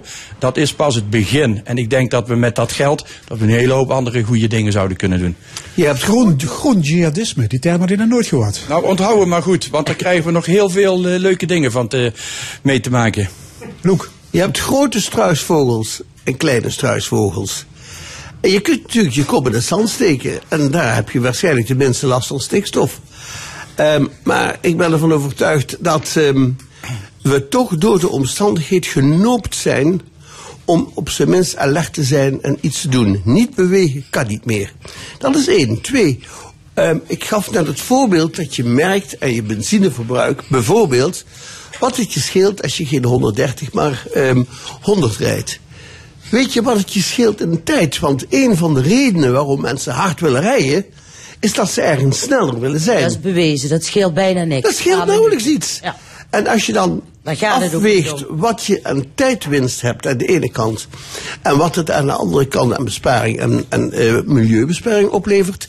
En daarbij ook nog eens gekoppeld dat ehm, de veiligheid in het verkeer door een hogere snelheid afneemt. Hè, in vergelijking met, met de lage Ja, maar, maar dat, dat klopt ook. En ik heb er zelf persoonlijk helemaal geen problemen mee om 100 km per uur te rijden. Want als iedereen dat doet, is dat ook wel lekker relaxed. Kijk maar naar Amerika, daar mag je ook niet, eh, niet harder rijden. Dat is gewoon in heel veel landen ook heel normaal dat je niet harder rijdt. Dus, maar dan zou dat inderdaad wel gewoon ook in heel Europa moeten gelden. Hè? Dan, dan moet gewoon iedereen zeggen van nou, dit is de vastgestelde snelheid, klaar. Maar hier in Nederland vind ik, zijn we zo'n zo'n hap-snap eh, eh, beleid. Weet je wel, incidentenbeleid. Als, er, als je over straat loopt en dan valt je een pan op de kop, dan ligt het hele dakdekkerswezen ligt dicht. Want elke dakdekker moet opeens aan die eisen voldoen en aan die eisen voldoen. Want die pannen moeten wel goed blijven liggen. Maar ze, ze, ze kijken niet naar een, een, een, een, een, een, hoog, een, een grotere omvang. Het beleid, weet je wel. Dan moet je, dan moet je structureel dingen doen. Dan moet je zeggen, vliegtuigen eh, veel duurder. Of, of weet ik niet, dingen waar het echt aan ligt. En dan Ja. iedereen maar 100 rijden. Ja, maar goed, je hebt altijd mensen die zich daar niks van aantrekken. Van die, van die 100 kilometer. Verwachten jullie grote irritatie op de autosnelweg? Absoluut. Dat is er nu al. Ja. Het verkeer is toch helemaal niet leuk? Het is verschrikkelijk. Mensen met groot licht die beginnen te knipperen. Wordt dat straks alleen maar erger. Ik denk dat het erger wordt. Ik, eh, ik probeer me redelijk aan de snelheid te houden. Ook eh, door ervaring eh, en schande wijzer geworden. Want de bekeuringen zijn helaas niet mals. Als ik fijn de cruise control op de auto aanzet. Eh, waar je 100 mag rijden. En ik word dan door iemand met 140, 150 voorbij gereden. Dat levert echt gevaarlijke situaties Maar op. erger vind ik nog dat er dan iemand 70 rijdt. Dat is nog veel Dat is- erger. Dat is nog erger, ja. Dus ik denk dat het eh, een, een, een eh, ja, zoals Rezi net ook zegt, een hap-snap-beleid in Nederland. Eh, we, zijn, we zijn echt helemaal van het padje af in dit land. Ja, nou weet je, ehm, eh, Parijs en Rome zijn niet op één dag gebouwd. En ehm, voordat eh, ehm, Europa met één mond spreekt en één beleid hebt, daar zullen ook nog wel jaren overheen gaan. En ik vind ook dat daar uiteindelijk een streef op gericht zou moeten zijn. Ik denk dat iedereen het wil. Maar goed, eh, we hebben nationale parlementen die moeten instemmen met dingen. Dus het gaat allemaal zo snel niet. En als je bedenkt dat de Verenigde Staten van Amerika, nu de Verenigde Staten, hoe lang heeft het geduurd voordat die zo verenigd waren als het nu lijkt? Terwijl ze nog lang niet in dat hele land overal de gelijke wet hebben. Dus dat voor Europa ligt er nog van de toekomst open. Andere discussie, ja. Het is vandaag 8 maart, Internationale Vrouwendag. Rezi, staat er bij jou eh, op de kalender? eh? Ja, wat dat betreft kan ik me aansluiten bij mevrouw Schaefer. Eh, ik word er ook niet echt opgewonden van. Nee, dat, nee, dat is jammer voor jullie dan dat Terza ziek is. Want Ja. die, dat is wel een, een, eh, in die zin meer een, een feministische vrouw. Maar het wil niet zeggen dat ik niet voor gelijke behandeling ben en gelijke rechten. En dat ik ook niet vind dat vrouwen gelijk moeten verdienen met mannen. En dat we niet hetzelfde werk kunnen doen natuurlijk. Dat vind ik allemaal. Maar ik ben niet zo iemand die daarvoor... eh, in die zin op de barricades eh, zich op de borst moet kloppen van hey, ik ben een vrouw. nee, maar ik ben Rezi. Ja, ik weet, de, de, de twee mannen hier aan tafel. De, Ja, ehm, er is natuurlijk verschil tussen mannen en vrouwen. Hè? Dat is hartstikke duidelijk, lijkt. Gelukkig. Maar- maar heb ja, je- godzijdank. ja. En, en dat, dat, dat dat verschil er is, eh, vertaalt zich ook op allerlei andere dingen. Ehm, staat tegenover dat zo'n internationale vrouwendag eh, zet vrouwen wat meer in de picture. En ehm, zet ook ehm, eh, vrouwen die, laten we zeggen, opmerkelijk presteren, ook wat meer in het dat is toch onzin, want morgen, morgen hè, kijk maar naar, naar onze korpschef, staat er toch weer in de krant, eh, mevrouw Schaefer gaat naar heel Holland bakt. En Dus als mevrouw morgen zijn ze Schaefer dat weer mevrouw allemaal niet vergeten. zou We- zijn, zou dat morgen niet in de krant Maar staan. hoeveel jaren hebben we al Internationale Vrouwendag en wat heeft het opgeleverd? Ja, nou, nou misschien Hebben één nog ding. steeds dezelfde Ja, discussies. Nou ja, misschien eh, iets. ehm, er is een verkiezing voor de topvrouw Limburg. Eh, de, de finalisten van de verkiezing zijn bekendgemaakt. Het is een advocaat uit Venlo, een CEO van een bestralingsinstituut in Maastricht en een winkelmanager, eh, ook hier in Maastricht. Wat vinden jullie van zo'n verkiezing? Dat je eh, een topvrouw Limburg zoekt? Onzin. Onzin. Ik, eh, ja, ik feliciteer de dames van harte dat ze daarvoor genomineerd zijn. Maar ik vind het onzin. Proficiat ere wie ere toekomt. Ik vind dit precies in dezelfde categorie als de beste voetballer, de beste autocoureur van het jaar. Wie kan de beste oliebol bakken, wie kan de beste haring maken. Jij, jij hebt niks met lijstjes. Ik heb helemaal niks met lijstjes. Ik heb veel meer met, met, met competentie van mensen, met, met, eh, met, met kenniskunde. En als dat toevallig eh, een vrouw is die een goede advocaat is, of een goede store manager of whatever. Maar ben je dan ook pas een topvrouw als je goede advocaat bent Nee, of een goede niet, politie? Dat bedoel nee, ik. nee. Je bent toch ook een goede, bent toch ook een topvrouw eh, als je gewoon kiest van, nou, ik, ik, ik. Als je ik- kastelein bent. Da- Als je daarom- kastelein bent, daarom ja. vind ik het ook- Of als je gewoon eh, thuis een hele goede moeder bent. Daarom vind ik het ook onzin. En ik heb hier opgeschreven. Jong of niet jong. Mijn, mijn topvrouw is mijn eigen vrouw. En niet ieder jaar. Nee, zolang als ik met haar samen ben. Dus ik sluit me helemaal aan bij jouw regel. Ja, ja de, de onzin dat we een topvrouw zoeken, is dat, eh, is dat misschien sowieso niet meer van deze tijd? Is dat, is dat emancipatorisch? Och, eh, weet je, dus wat Cor zegt, eh, eh, de beste voetballer, de beste oliebol, eh, dat ligt voor mij allemaal op één lijn. Ik vind het niet... eh, Zeker dat die vergelijking. Je- maar je- Nee, maar je kunt, je, kunt, je kunt, je kunt ook naar de beste zwemster gaan zoeken, dat noemen we dat kampioenschap. En eh, zo heb je allerlei Ja, maar je, je meer. hebt de vrouw in de media award, dus de topvrouw van het jaar. Eh, ja, je hebt allerlei van, van dat soort eh, competities ook nog voor vrouwen apart. Maar dat doen de vrouwen zelf. Eh, gisteren stond er een stuk in de Telegraaf. Aylin Bilic, een Turkse mevrouw van Turkse afkomst, publiciste feminisme. En ik heb ook een ander artikel gelezen. In stond in de Groene Amsterdammer, Brechtje Hofstede. Zijn twee dames, allebei voorvechters voor de vrouwenrechten. Alleen ze benaderen het allebei van een, van een hele andere kant. En als ik dat dan een beetje ga analyseren. De eerstgenoemde mevrouw Alen Bilic, die is overwegend rechts georiënteerd. De tweede mevrouw is overwegend links georiënteerd. En ze kijken allebei naar hetzelfde verschijnsel. Kijken ze allebei op een hele andere manier. En die mevrouw Alen Bilic die zegt van, wat er hier gebeurt, dit, die, eh, die, die, die lijstjes en statistieken. Zij noemt dat keukentafelfeminisme. Zegt ze, er zijn veel belangrijkere dingen in het leven om voor vrouwenrechten te, eh, te ijveren. Niet de gelijkheid van de vrouw, want dat is vastgesteld in de wet. Maar er zijn bijvoorbeeld landen waar vrouwen eh, structureel mishandeld worden, vrouwenbesnijdenis. Zet dat soort dingen eens op de agenda en dan praat je echt over feminisme. Oké, dan nu een laatste nieuwsbericht. De rechtbank in Roermond blokkeert de kaalplukactie van vier drugscriminelen. Het Openbaar Ministerie wilde enkele tonnen per persoon terugvorderen. De rechters gaan daar niet in mee, omdat de vordering, ik citeer, niet zo spoedig mogelijk is ingediend. De rechters hebben daar trouwens begrip voor. In hun vonnis krijgt de politiek de volle laag. Ze spreken van een aanslag op de rechtsstaat die al jaren aan de gang is in de vorm van vergaande bezuinigingen op het gehele justitieapparaat. Wat vinden jullie? Nou, ik vind dat als die, als die constatering uit de boezem van de rechtbank zelf komt, dan is dat een signaal waar we naar moeten luisteren. Maar dat moeten we niet alleen ehm, op de rechtspraak van toepassing eh, laten zijn. Als we bekijken dat eh, de kampioenen van Rutte nu gedurende drie kabinetten eh, bezig zijn op alle fronten te bezuinigen, dan gaat het ogenschijnlijk in Nederland allemaal heel goed. Maar als je kijkt naar zoiets als verpleging hè, en, en, en, en opvang van ouderen. Nou, dat, is dus, dat hebben we totaal uitgekleed. Hè? Daar hebben we behoorlijk op bezuinigd.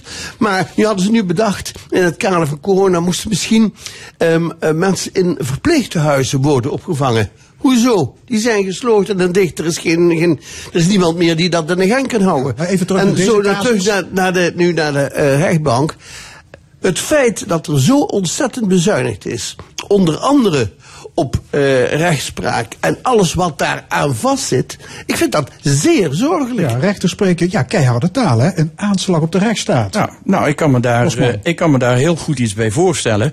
Eh, als je kijkt wat, wat, wat het gevolg voor dit jaar is, dat er meer, als, meer dan 2000 22.000 rechtszaken blijven liggen, waarvan 10% meervoudige, eh, eh, in elk geval behandeld moeten worden door de meervoudige Kamer. Dan praat je over ernstige eh, geweldsdelicten, eh, drugscriminaliteit, et cetera, et cetera, baart mij wel zorgen voor de doorsnee burger. Want het is maar een heel klein groepje in Nederland wat dit soort problematiek veroorzaakt. Ik heb het niet over kantonzaken waar je over meningsverschilletjes praat, maar over strafrechtelijke zaken. Ik denk dat de gewone burger en de criminaliteit neemt alleen nog maar toe. We hebben de, we hebben de nieuwsberichten gelezen. Jongetjes van 13, 14 jaar die lopen met messen van 25 centimeter in een zak lopen ze op straat, omdat het gewoon normaal is. En Ja. dan, en dan, en dan Ze faalt. vinden het normaal, het is niet normaal. Het is niet normaal, maar het wordt normaal normaal. gevonden. En als je dan vervolgens eh, ook nog eens een keer capaciteitsgebrek hebt om dit soort zaken ook dan nog eens een keer te behandelen. Als het de jongetjes van 13 jaar zijn met een mes, wat zijn het de grote beroepscriminelen die er niet voor schuwen om een advocaat op klaarlichte dag eh, te executeren? Maar goed, in, in dit geval kun je spreken van een soort statement hè, van die rechters. Jazeker. Maar goed, nou- het bet- betekent wel dat die vier boeven hun criminele geld niet hoeven terug te betalen. Ja, het betekent ook dat je Wat, wat zegt je kunt rechtsgevoel daarover? Ja, mijn rechtsgevoel zegt veel eer iets over eh, de onafhankelijkheid van de, van de rechter. En ik vraag me af of dit soort statements wel thuis horen in de vonnis. Daarmee vrees ik dat je je onafhankelijkheid voor een gedeelte kwijtspeelt. Aan de andere kant kan ik me voorstellen dat ze vinden dat het water hun aan de lippen staat. En zeggen, wij moeten toch laten horen dat we op de een of andere manier dat het zo niet verder kan. Nou, dat signaal moet opgepakt worden. Nou, dat wordt ook aangepakt, want de Raad voor Rechtspraak die is daar al mee bezig. En daar gaan we binnenkort eens een mooi debat aan wijden hier in de stemming. Hartelijk dank, discussiepanel. Rezi Koumans, Cor Bosman en Loek Hustings. Dit was de stemming vandaag gemaakt door Frank Heijnen, Edwin Maas, Joëlle Tilly, Fons Geraert en Frank Ruber. Graag tot volgende week, dan wederom hier vanuit Café Forum in Maastricht. Dit programma wordt herhaald maandagavond om 8 uur. Het is terug te luisteren op onze site l1.nl via podcast en Spotify, de stemming L1. Ik wens u nog een mooie zondag.